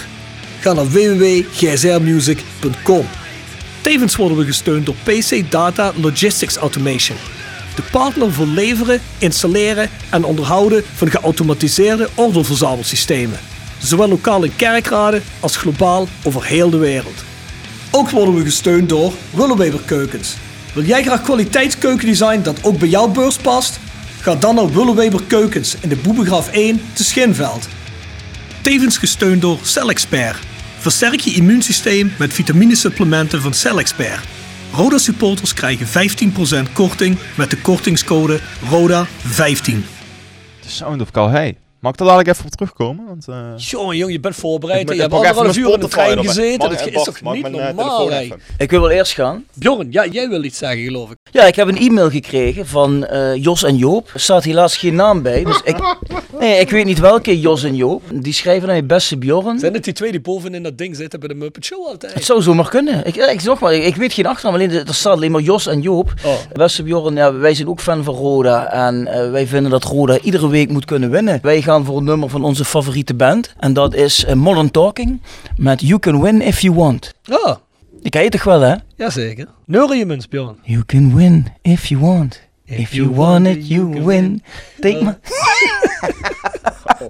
Ja, En ook natuurlijk twee gigantisch leuke gasten. Dieter Bolen en die ene met die langere haren. Dus, Ja, eh, ik, ja, maar daar weet niemand van hoe die heet. Thomas nog iets heet hij volgens mij. Jos en Joop weten dat wel. Nou, gooi er snel in in. Gewoon artiest en lied. Kaigo Higher Love. Kaigo, Higher ja, Love. gaan we eens erin gooien. Eh, Buddy Guy. Luister ik graag de laatste tijd. Wie? Buddy Guy. Ken je niet? Nee? Artiest. Damn right, I've got the blues. Oké. Moet je maar eens luisteren. Veel zelfs mijn, mijn vriendin vond dat prettige muziek. Ja? Ja. Nou, dat zegt wel wat. Ja, ik doe er geen. Ik heb, volgend, ik, ik heb volgend seizoen heb ik wel weer iets. Het komt helemaal goed. Bart, is jouw vriendin trouwens een beetje bekomen van de promotie van Excelsior? Want dat vond ze toch een vreselijke club. Ja, maar het is ook wel niet zo dat er zoveel interesseert. Ah, oké. Nee, Eh, dat is ze, goed. ze, ze, ze vond dan eh, dat theater allemaal na afloop vindt ze dan ook wel leuk om te kijken allemaal. Oké, oké. We gaan verder met het middenveld. Ja, Robert Klaassen. Ook afscheidnemend. Ja, dat begrijp ik wel. Dat begrijp ik ook wel. Eh, hele sympathieke gast. Drie jaar lang bij de club geweest. En in mijn optiek de tweede seizoen zelf van vorig seizoen goed gespeeld. Echt goed gespeeld. En voor de rest nooit eh, de club echt naar een hoger niveau getild. Ehm, regelmatig ook in mijn optiek een van de redenen dat de verdediging snel onder druk komt te staan. Omdat er voor de verdediging te weinig wordt, eh, wordt weggehaald. Af en toe waardevol met een vrije trap. Maar over de hele linie genomen te weinig. En ja, als ik nu weer naar dit hele afgelopen seizoen moet kijken, dan kom ik op een zesje.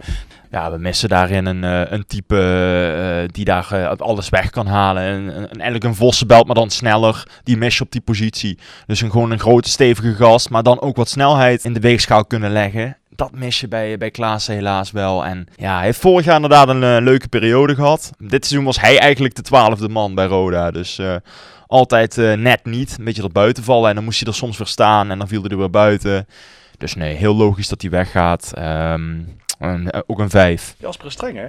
Ja, hij is streng vandaag. Ja, ik, eh, sorry jongens. Ja, Bij de voice court wil je altijd iedereen een hand onder de riem steken. Maar dat is vandaag duidelijk niet het geval. Dat is nu een keer klaar ermee. Het is bijltjesdag vandaag. De daar Belgische ga je al. dag, ja. Nee, maar dat is ook logisch. Dus de verdediging en, eh, en het middenveld, dat is toch wel, of tenminste verdedigend middenveld, is toch wel de mensen posities van het team. De reden waarom de verdediging soms shit te verwerken kreeg, eh, lag vaak de oorzaak op het verdedigend middenveld. Ja, hoe aardig ik Robert Klaas ook vind, moet ik echt zeggen, echt sympathiek. En is- die valt ook in de categorie Richard Jensen. Jammer dat zo iemand moet weggaan. Super persoonlijkheid, dat zich volgens mij ook met zijn vrouwtje en zijn kinderen eh, goed ingeleefd in het, eh in het Heerlense. Volgens mij werkte zijn vrouw eh, zelfs in een van de eetzaken op het Pancratiusplein. Dus goed geïntegreerd. Ik heb hem nog geappt en dan zei hij van ja luister, we waren hier ook niet voor eeuwig gebleven, maar we hadden wel nog een tijdje willen blijven eigenlijk. Kan ik me voorstellen, volgens mij was de kleine van net hier naar school gegaan. Dus die begon net naar school te gaan hier. Ja, dan is dat kloten. Ja.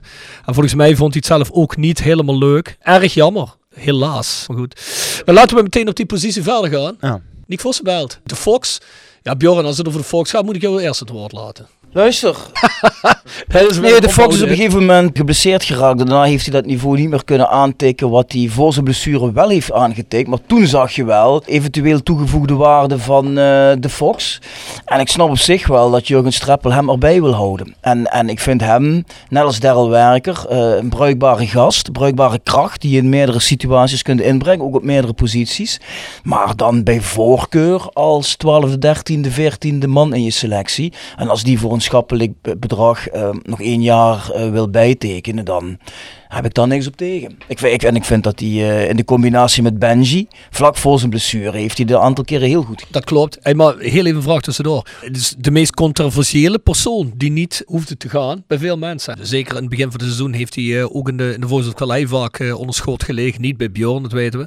Maar zeker wel bij mij. Hij heeft zelf natuurlijk op sympathievlak veel, veel goed gemaakt in de podcast zelf. Dus ja, ook een van de sympathiekste gasten bij Roda. Echt een van de lads. Vergeet niet zijn actie uit bij Helmond Sport, hè, waar hij een beker bier aanneemt. Ja, wie doet dat tegenwoordig nog? Dat zijn eigenlijk League 1, League 2 toestanden in het eh, Nederlandse eerste divisie. Dus petje af daarvoor. En hij had inderdaad een super periode. Maar denken jullie dat eh, Jurgen hem vooral voor de kleedkamer houdt? Om nu een jongere generatie in te leiden en meer aan de hand te nemen? Want dat is wel vaak Nee, kritiek op hebben gehad. dat, dat is wat ik zeg. Ik denk dat Jurgen hem idealiter ook niet bij de eerste elf ziet. Maar die jongen schijnt zo eh, goed te zijn met andere gasten. Hè? En je moet iemand hebben die, die, die, die weet van een dolletje en, en kan ouwhoeren. En eens met, met anderen een goed gesprek kan voeren. Dat is gewoon heel belangrijk. Ja, ik denk ook dat hij vooral een verlengstuk is van Jurgen Streppel. Dat klinkt negatief wat ik nu ga zeggen, maar zo is het niet bedoeld. Je ziet dat je wel een Brabants kliekje hebt met Vossenbelt, Joppe, Streppel en alles wat er omheen hangt. En die kennen zich natuurlijk allemaal ook de Willem II-tijd of het Helmond-tijd. En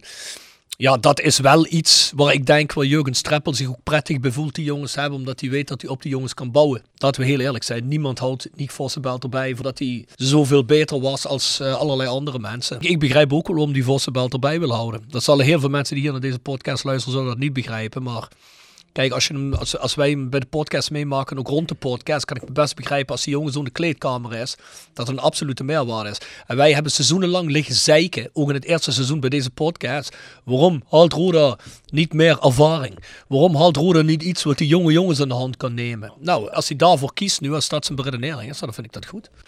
Hey, laten we verder gaan naar de volgende positie op het middenveld. Patrick Fluke. Fluke, ja, weer een topseizoen hè. Twee topseizoenen gekend bij Roda. Binnengekomen met een, met een als testspeler. eh, moest zich echt bewijzen. Vorig seizoen al super goed gespeeld. Maar eigenlijk dit seizoen is hij daar eh, bij Tijdenwijde nog even overheen gegaan. Een echte aan, aanjager. eh, een enorme passie wat hij tentoonspreidt. Doelpunten, assists, verdedigende acties waar hij eh, voor de Westtribune gaat lopen schreeuwen. Fantastisch. Eh, maar ook naar buiten toe een hele, een hele prettige gast. Ook na een wedstrijd altijd heel zelfkritisch geweest. Eh, ook al was hij altijd de beste, hij wist altijd wat er beter moest. 8,5 voor eh, Patrick Fluke. Ja. En heel veel succes bij zijn eh, volgende stap. Nou, ik vind dat je een aantal jongens hebt die potentieel goud waard waren. Dan heb ik het met name over een Benji, Fluke, Emmers, Vente, Limbombe weet ik nog niet zeker, maar is de jury nog niet over uit. Maar waarvan ik vind dat als je Roda bent, dat je moet zorgen dat die voor meerdere jaren aan je verbonden zijn. En dat je die jongens zorgt dat die op, zich op eredivisieniveau kunnen etaleren. En dan kun je eventueel die waarde gaan uitbouwen. Maar ja, daar zijn we niet in geslaagd. Want Fluke loopt transfervrij weg. En ja, goed, en die Had jongen... wel gekund als je ongeveer drie ton meer had geïnvesteerd. Ja, ja, ja, dat mag inderdaad ook eens gezegd worden. Meer aandacht. Dat mag, dat mag inderdaad eens een keer gezegd worden. Maar ja, goed, dat, dat vind ik een gemiste kans. Maar Fluke die verdient het om eh, op het hoogste niveau te voetballen, ongeacht waar dat gaat zijn. Maar ja, ik heb van hem genoten, twee jaar en acht en een half. Ik zal niet snel een speler missen, maar hem zal ik op zich wel missen. Laten we gaan naar de volgende positie op het middenveld. Toch de laatste maanden een beetje controversieel. Geheel tegen mijn verwachting in. Benji Bouchouari. Bart? Als ik alleen naar de eerste seizoen zelf kijk, dan kom ik echt op een 8 uit. Ik vond dat hij zich toen echt doorontwikkelde. Dat hij meer inhoud had, meer power had, ook meer in het stadsgebied opdook. Volgens mij ook eh één of twee doelpunten maakte ook. Dat mag wel wat meer, vind ik, voor een speler met die kwaliteiten. Maar toen had ik echt zoiets van, ja, dit, dit is echt een jongen die... eh, ja, toen die bij je tegen dacht ik van, ja, maar die zijn we alsnog deze zomer kwijt. Want die heeft zoveel, eh, zoveel kwaliteit en dat is zo duidelijk te zien. In de tweede seizoen is hij iets weggezakt. In mijn optiek, toen hij gepasseerd was, dat, dat was tegen de Graafschap thuis, had ik dat niet verwacht. Had ik niet zien aankomen. In mijn optiek was hij helemaal niet zo zwak als dat er aanleiding was om hem te passeren. En ik vind dat hij daarna, hij viel toen wel overigens heel goed in die wedstrijd. Maar ik vind dat hij zich daarna daar niet meer van hersteld heeft. Toen begon ook de Ramadan. Ik vond het logisch dat Streppel hem toen een paar keer een beetje spaarde met het oog op de play-offs. Maar ja, ik heb niet het idee dat dat, puur en alleen sparen is geweest. Dat er ook iets is gebeurd tussen die twee. Eh, ja, wat ertoe geleid heeft dat hij er in de na-competitie niet op stond. En we komen zo nog bij de beoordeling van de, van de staf. Maar dat vind ik iets dat Streppel zichzelf ook mag aanrekenen. Dat je je beste spe- een, van, een van je potentieel beste spelers op een moment suprem niet opstelt. En dat er kennelijk eh, iets dusdanigs is voorgevallen dat je daar ook niet overheen kunt stappen. Ja, flink eh terugval in het tweede seizoen zelf. Ik vind het heel jammer, want je, je ziet overduidelijk dat deze jongen samen met Patrick Fluke de beste speler van het elftal is. Trouwens, wat Bart zei dat er iets gebeurd is, er schijnt dus ook wel degelijk iets gebeurd te zijn intern. Of dat met Jurgen Streppel zelf was of binnen de selectie, dat weet ik niet. We horen ook de geruchten dat Roda eigenlijk Benji Bouchouari het liefst wil verkopen deze zomer. Of dat daarom is, weet ik niet. Zeker na de laatste maand, anderhalve maand, Benji Bouchouari nauwelijks gespeeld heeft. Benji Bouchouari en Roda hebben geen reclame voor zichzelf en voor de verkoop van Benji Bouchouari gemaakt. Dus, en dan is helemaal afgezien van zijn stats. Zie dat dat doorgetrokken van de eerste seizoen zelf, denk ik dat clubs al hadden gedacht van ja, dat komt wel. Ik weet niet wat er gebeurd is. Als je hem nu gaat verkopen, dan denk ik dat je er heel weinig aan verdient. Je potentieel beste speler op dit moment ga je verkopen voor veel te weinig geld. Daar ben ik helemaal met Bart. Vind ik, dan moet je toch als trainer op de een of andere manier een manier vinden om toch een manier te vinden eh, om die jongen toch in te kunnen passen. Om toch op de een of andere manier er iets uit te halen. Hey, hoeveel selecties zijn er niet geweest? En dan heb ik het misschien over veel hogere niveaus. Wereldkampioenen, Europees kampioenen op club en op landenniveau. Waar trainers het absoluut niet konden vinden, met spelers. Of voor spelers absoluut onmogelijk waren. Ik bedoel, kijk naar de Slatan Ibrahimovic. Ik bedoel, kijk naar Diego Maradona. Zeg, Dat zijn spelers die, die deden dingen waarvan elke normaal... Als je, als je dat talent niet had, was je, was je nooit meer aan de bak gekomen ergens. Het Kadavers en Guus Hiddink, hè? onder andere toen WK 98, toch Ja. gestapt. Ja, En- ook dat. Ik geef Benji wel een 7, omdat er gewoon te veel talent in zit. Jammer in ieder geval. Sian Emmers, Bjorn. Vind ik een hele lastige, omdat ik heel veel mensen om me heen hoor die altijd lyrisch zijn over Zian Emmers. En als ik kijk naar zijn aantal doelpunten, heb ik ook hele mooie goals van hem gezien. Heeft er volgens mij iets van 10 gemaakt, dus dat is op zich voor een nummer 10 ook helemaal niet te weinig of zo. Dus dat doet hij goed. Alleen vind ik dat hij in te veel wedstrijden heeft hij naar mijn idee onvoldoende stempel kunnen drukken. Ik vind wel nummer 10 moet echt ook in het spel echt dominant aanwezig zijn. Eh steekpasses, mensen vrij voor de keeper zetten. Ja, en, en er zijn te veel wedstrijden waarvan ik vind dat ik achteraf gedacht heb, zeker in het tweede seizoen zelf, van ja, ik heb Emmers bijna helemaal niet gezien. Ja, daar moet hij zich in verbeteren. Behalve dat natuurlijk gewoon een prima speler voor Roda. En volgend jaar moet hij er weer gewoon, eh, moet hij er weer gewoon in. Moet hij weer eh, zich doorontwikkelen. Dus uiteindelijk wel een 7. Potentieel gezien zie ik in hem een, een soort nieuwe fluke, maar dan moet hij wel nog een aantal stappen gaan zetten. En dat bedoel ik inderdaad meer, wat, wat Bjorn zegt terecht, je moet die stempel meer op een wedstrijd kunnen drukken. Bij Emmers had ik echt de indruk, als hij erin komt, dan geeft hij Roda altijd een impuls.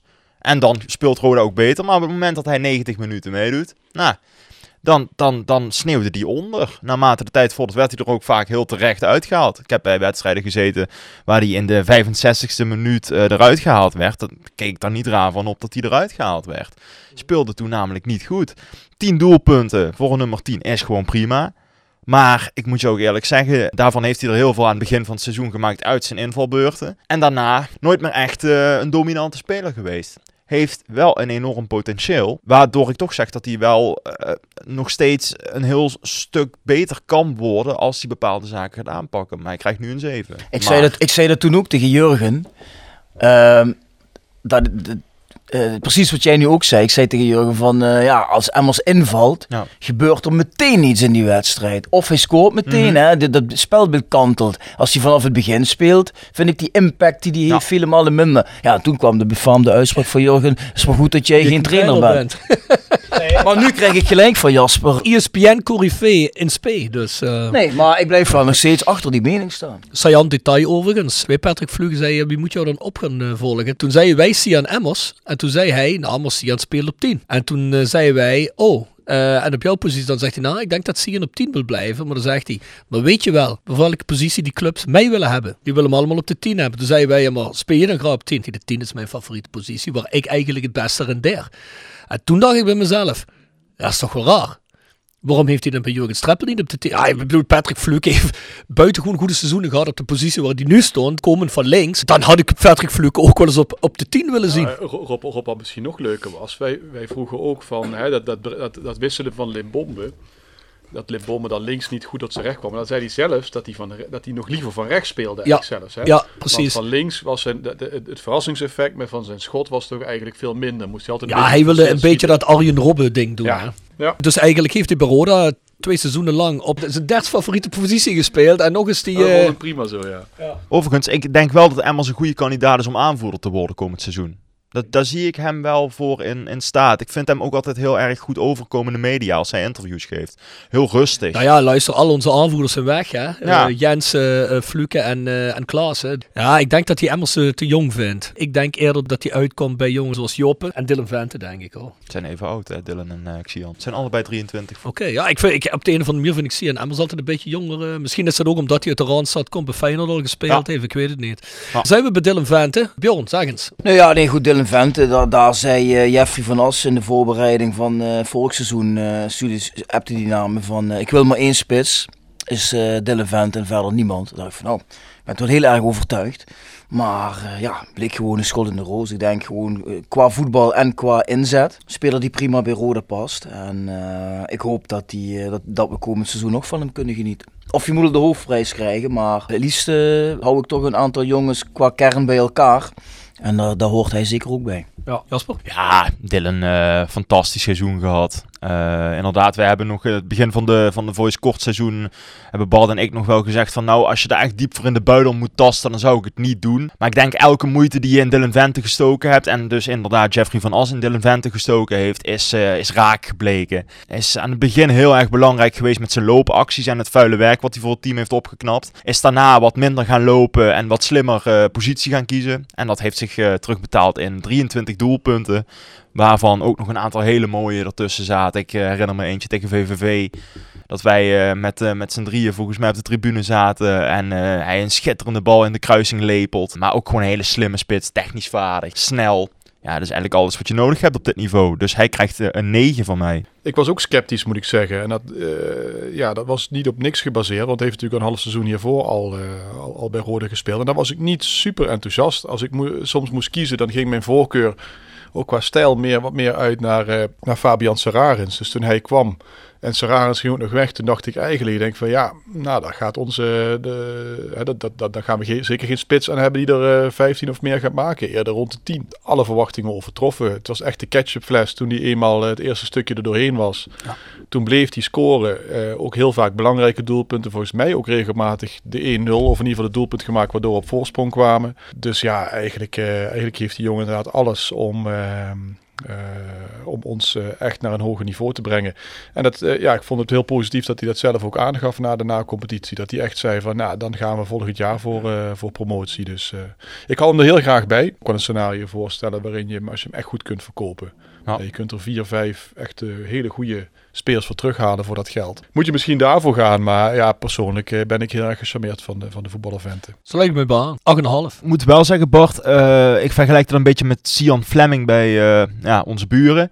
Eh, dat, eh, die hebben ook ervoor gekozen hem niet te verkopen tot twee keer toe. Ik denk dat dat voor komend seizoen bij Vent toch ook nog wel... Ja, nee, zeker. zeker. Eh. maar goed, ja, als we het hebben over het budget en het budget gaat niet omhoog. Maar je kunt, als je hem voor 7, 8 ton kunt Ja. verkopen en je zou dat één op één in het speelsbudget kunnen steken, ja, dan weet ik niet wat je moet doen. Ja, dan zou ik eerder zo'n Benji toch Ah, verkopen, jongens, denk ik. transfermarkt zegt 575.000 waard. Dat Dus. vind ik vrij weinig voor een spits die er 24 heeft gemaakt. Laatste speler, Brylan Bombe. Ik ga hem even zelf aftrappen. Brylan Bombe krijgt van mij voor dit seizoen een 5.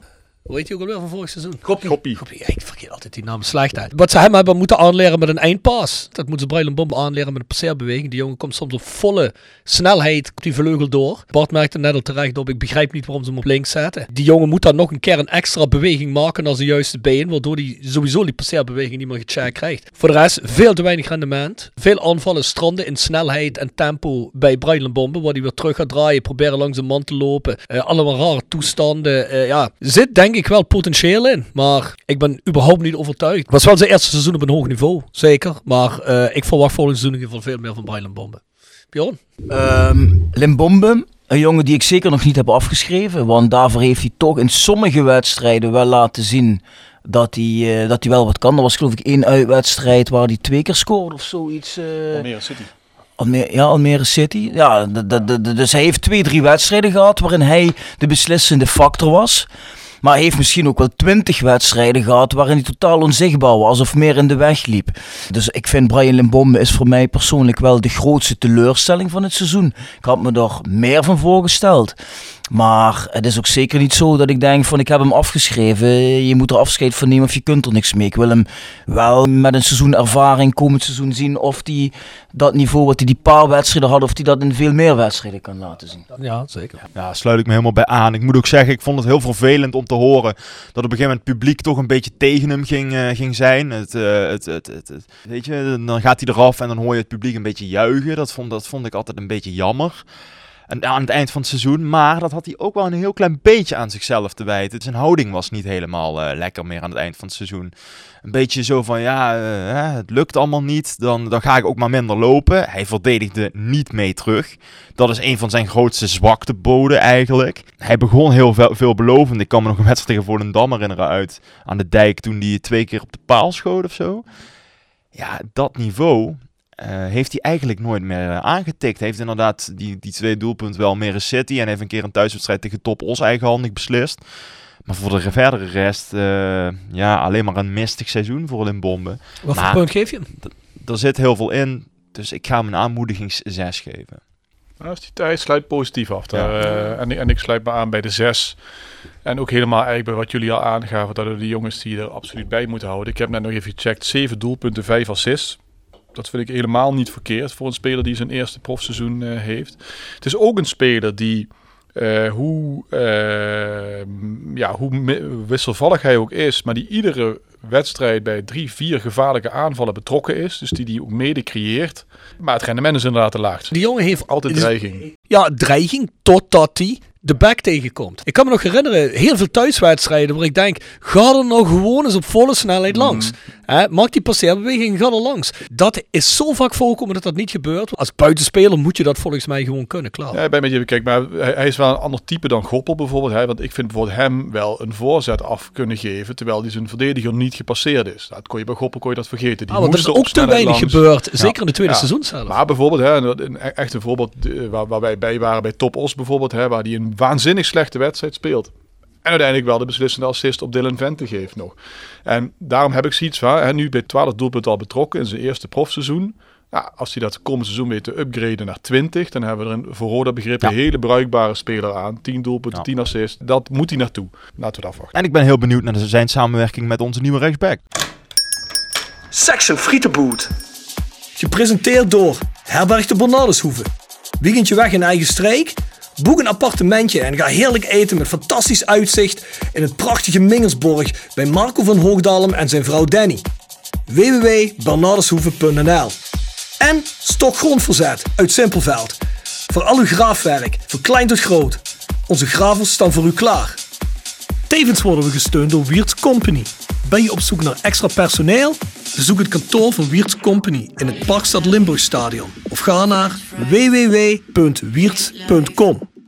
De laatste van de, ja, überhaupt de laatste section Friede Boot. Ik ga het over bier hebben, niet over frieten. Bart, wil jij het over biertje hebben? Nou, eh, sla mij nog heel even over. Dan pak ik even mijn Untapped erbij. En dan pak ik, Oh, God. eh, dan pak ik het, het, het beste, het beste bier eh, dat ik heb ingecheckt. Nou, daar komt hij. Bjorn. Nee, ik sla over. Ik ben door de snacks heen. Ja, dat dacht ik al. Jasper, Een jij? snack of een biertje? Ja, je mag pakken wat je wil. Snack eigen gemaakte gehaktbal. En eh, van een biertje ga ik Maar voor wie maakt die gehaktbal dan? Dat is de vraag. Van eh, de frituur Boekenier uit Meersen. Oké, oké. Ja. Oké. Ja, Ja. heerlijk. Achter vijandelijke linies. Ja, dat wel. Oké, en je lievelingsbiertje? Triple karmeliet. Lekker. Nou Bart, kom op. Ja, ik heb hem gevonden. Ik heb de eh Can Brûlé van brouwerij De, de Moersleutel. Dat is een heerlijke barley wine, is dat. Is dat een van die blikjes die je hier in de winter bij je had, waar je er maar één van had, die we met z'n drieën moesten delen? Was dat, nee, eh? helemaal niet. Helemaal niet. Nee. Maar ik eh, eh, vertel je er ook even bij dat ik dat helemaal goed gemaakt heb op weg naar Helmond. Dat ik allemaal van die grote flessen bij me had. En dat jij zei, ja, maar ik kan niet drinken, want ik moet rijden. Ja, precies. Nou, kijk, zo zien mensen dat ik toch soms verantwoordelijk ben. Ja, en toen we toen uitgingen naar Excelsior, toen heb je Jim Bullis alles op laten drinken. ja, dat is natuurlijk niet zo heel erg slim, hè. Dus, eh, en Ivo Selke. En die van Selker, ja. Bottom line, hè, ik, ik deel royaal als het... eh, als Ja, oké, als, het, als het erop aankomt. Anyways, heel snel even. Beoordelingsstaf. Bjorn, beginnend. Luister, ik laat eh, de beoordeling aan jullie over, maar het enige wat ik wil zeggen... Kijk, ik kan niks zeggen over Raymond Strijbos of Rijn van Duinhoven, eh, weet ik allemaal niet. Maar ik vind wel, ik heb dat al eens eerder gezegd en dat blijf ik jammer vinden... als je dan nog een extra assistent gaat halen... en ik heb helemaal niks tegen Edwin Linsen, totaal niet... maar dan denk ik, als derde, vierde assistent... haal dan in godsnaam gewoon een Rodaman. Haal dan Regilio Vrede hè, of Mark Luipers...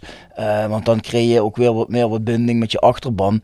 Edwin Lindsay even, even een keer één of twee seizoenen bij Roda gespeeld in de ver verleden. Je maakt me niet wijs dat Edwin Lindsay als assistent zo'n kwaliteiten heeft. Wat een Regilio Vrede of een Mark Luipers niet kan. Alsof hij niet voor de trainingen het vierkant uit kunnen zetten met pionnen. En eh een Ja, beetje met die gasten kunnen al weg naar een maand? Nee, nee, nee. Oh, Nee. Adrie Bogers. Adrie Oh, dat was. Adrie Ja, ja, nee, daar ben ik alweer vergeten.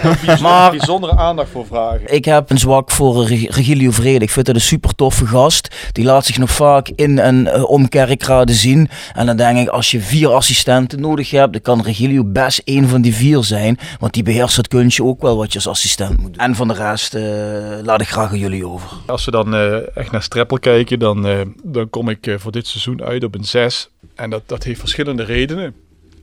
Want we hebben natuurlijk een ontzettend leuk seizoen gezien, voetballend gezien. Dus dan zou je zeggen, ja, waarom dat een 6? Nou, ik, ik vind Streppel behoorlijk vierkant communiceren. Zeker op het moment dat hij hier bijvoorbeeld zit, vind ik hem ontzettend defensief. Hij voelt zich, voelt zich snel aangevallen. In interviews in de landelijke media is het nou juist weer de getapte jongen, maar vind ik het ook allemaal een beetje gemaakt. Altijd... eh, altijd een beetje lacherig. Zo van, ja maar jongens, het is maar keukenkampioen divisie. Denk ja vriend, jij bent er eigenlijk net voor om ons daar uit te trekken. Maar wat ik met name eh, van belang vind is de, eh, ja, toen het er echt op aankwam in de na-competitie, vind ik dat Streppel ook aantoonbaar gefaald heeft. Het elftal was er niet klaar voor. Als ik kijk naar spelers die onder spanning stonden, spelers die die ineens op andere posities neerzetten. Nou, Benji heb het ook al over gehad. Dat ik denk van, ja, weet je, dat zijn wedstrijden waar het echt erop of eronder is. En uitgerekend op dat moment ga je rare dingen doen. Ontzettend zichtbaar in de eerste helft eh, uit Bij eh, bij Excelsior. Limbombe op links, die daar echt zich geen, geen, geen raad wist. En dat had hij notabene geprobeerd bij Den Bosch uit. Waar ook daar helemaal niks van eh, Laten we eerlijk zijn. Bart. We- Je, je had het over Patrick Fluke dat hij liever op rechts spelen. Ja. Maar het begon omdat we hem vroegen. Begrijp jij waarom hij dat doet met Limbombe? En toen zei hij. Dat heeft hij niet, dat heeft hij niet in de podcast, eh, heeft hij volgens mij uitgesproken, maar hij zat te gebaren. Hij ik begrijp zo. er ook Ja, geen reet van. nee. Hij zat met zijn handen Nee, voor zijn nee, ogen, dus schudden, hij ja. begreep daar Ja. ook geen reet van. Nee, dus, dus, dus kijk, weet je, en dan denk ik van, ja, leuk hè, speeltuinvoetbal, dat heeft hij leuk gebracht. We hebben eh, leuk voetbal gezien.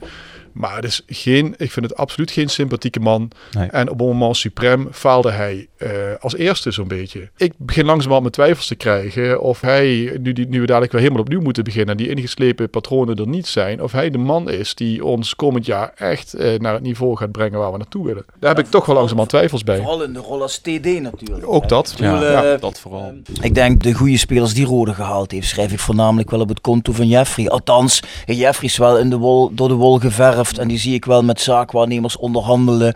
En nu Jurgen eh, zelf alle spelers moet gaan halen, zitten toch een aantal miskleunen tussen. Ik heb wat er in de winterstop gekomen is allemaal. Ja, Ja. bijvoorbeeld eh Amici, eh Seintje, noem maar op. Ja, eh, Ja. Muur, Muur, ja, bedoel, dat geeft weinig hoop. En, en ja, goed, eh, hij, zou, hij, hij zou dat eigenlijk zelf, vind ik, ook niet moeten willen. Toen Jurgen Streppel kwam, had ik echt zoiets. Die heeft Willem II tot twee keer toe naar de Eredivisie gebracht. Die is bij Herenveen heeft hij toch prima voetbal laten zien. Had ik echt een goed gevoel. En eh, wat Bart zegt klopt helemaal. Constant dat cynische gedrag. Na afloop van een wedstrijd, eh, als, je, als je echt aantoonbaar punten hebt laten liggen.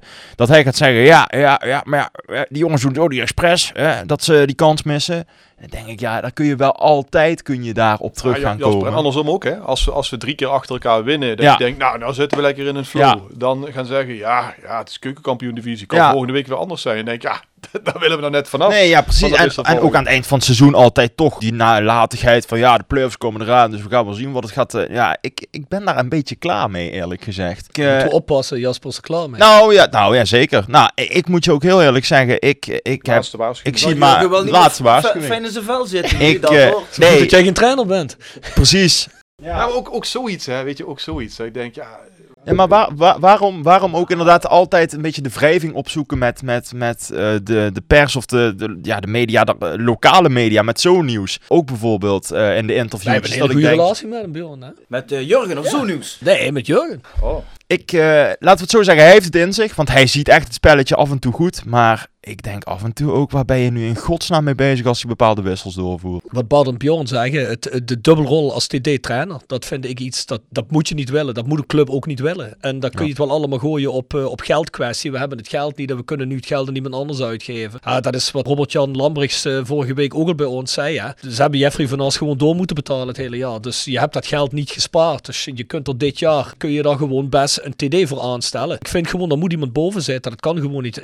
Jurgen Streppel kan dat niet doen wat een TD het hele jaar doet. Plus de trainerspositie goed uitvoeren. Die twee petten kun je niet tegelijkertijd 100% uitvoeren. Dat kan niet. En wat ik bij hem mis, is eh, ambitie. Mis ik eh, enorm bij hem. Dat echte prikkelende ambitie van, ja jongens, we moeten hier er wat moois van gaan maken. We gaan voor die directe promotie. Dat hij dat die het altijd, ook aan het begin van het seizoen, heeft hij het enorm lopen afzwakken. Terwijl hij toch nog best wel een aardig geraamte had, had staan van afgelopen seizoen. Jurgen Streppel een 5 min. Kan echt veel beter. Dat was de analyse voor het eh, afgelopen seizoen. Volgend seizoen zijn we terug met een nieuwe Voice of Calais. Jasper, heb je nog één kogels terugkopen? Kogels terugkoppen. Gepresenteerd door Van Ooyen Glashandel. Sinds 1937 vervangen en repareren wij al uw glas met veel passie en toewijding. Met 24 uur service.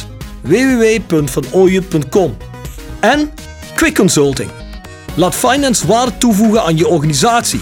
We komen graag met je in gesprek om aan de hand van concrete voorbeelden duidelijk te maken hoe we dit ook binnen jouw onderneming kunnen realiseren.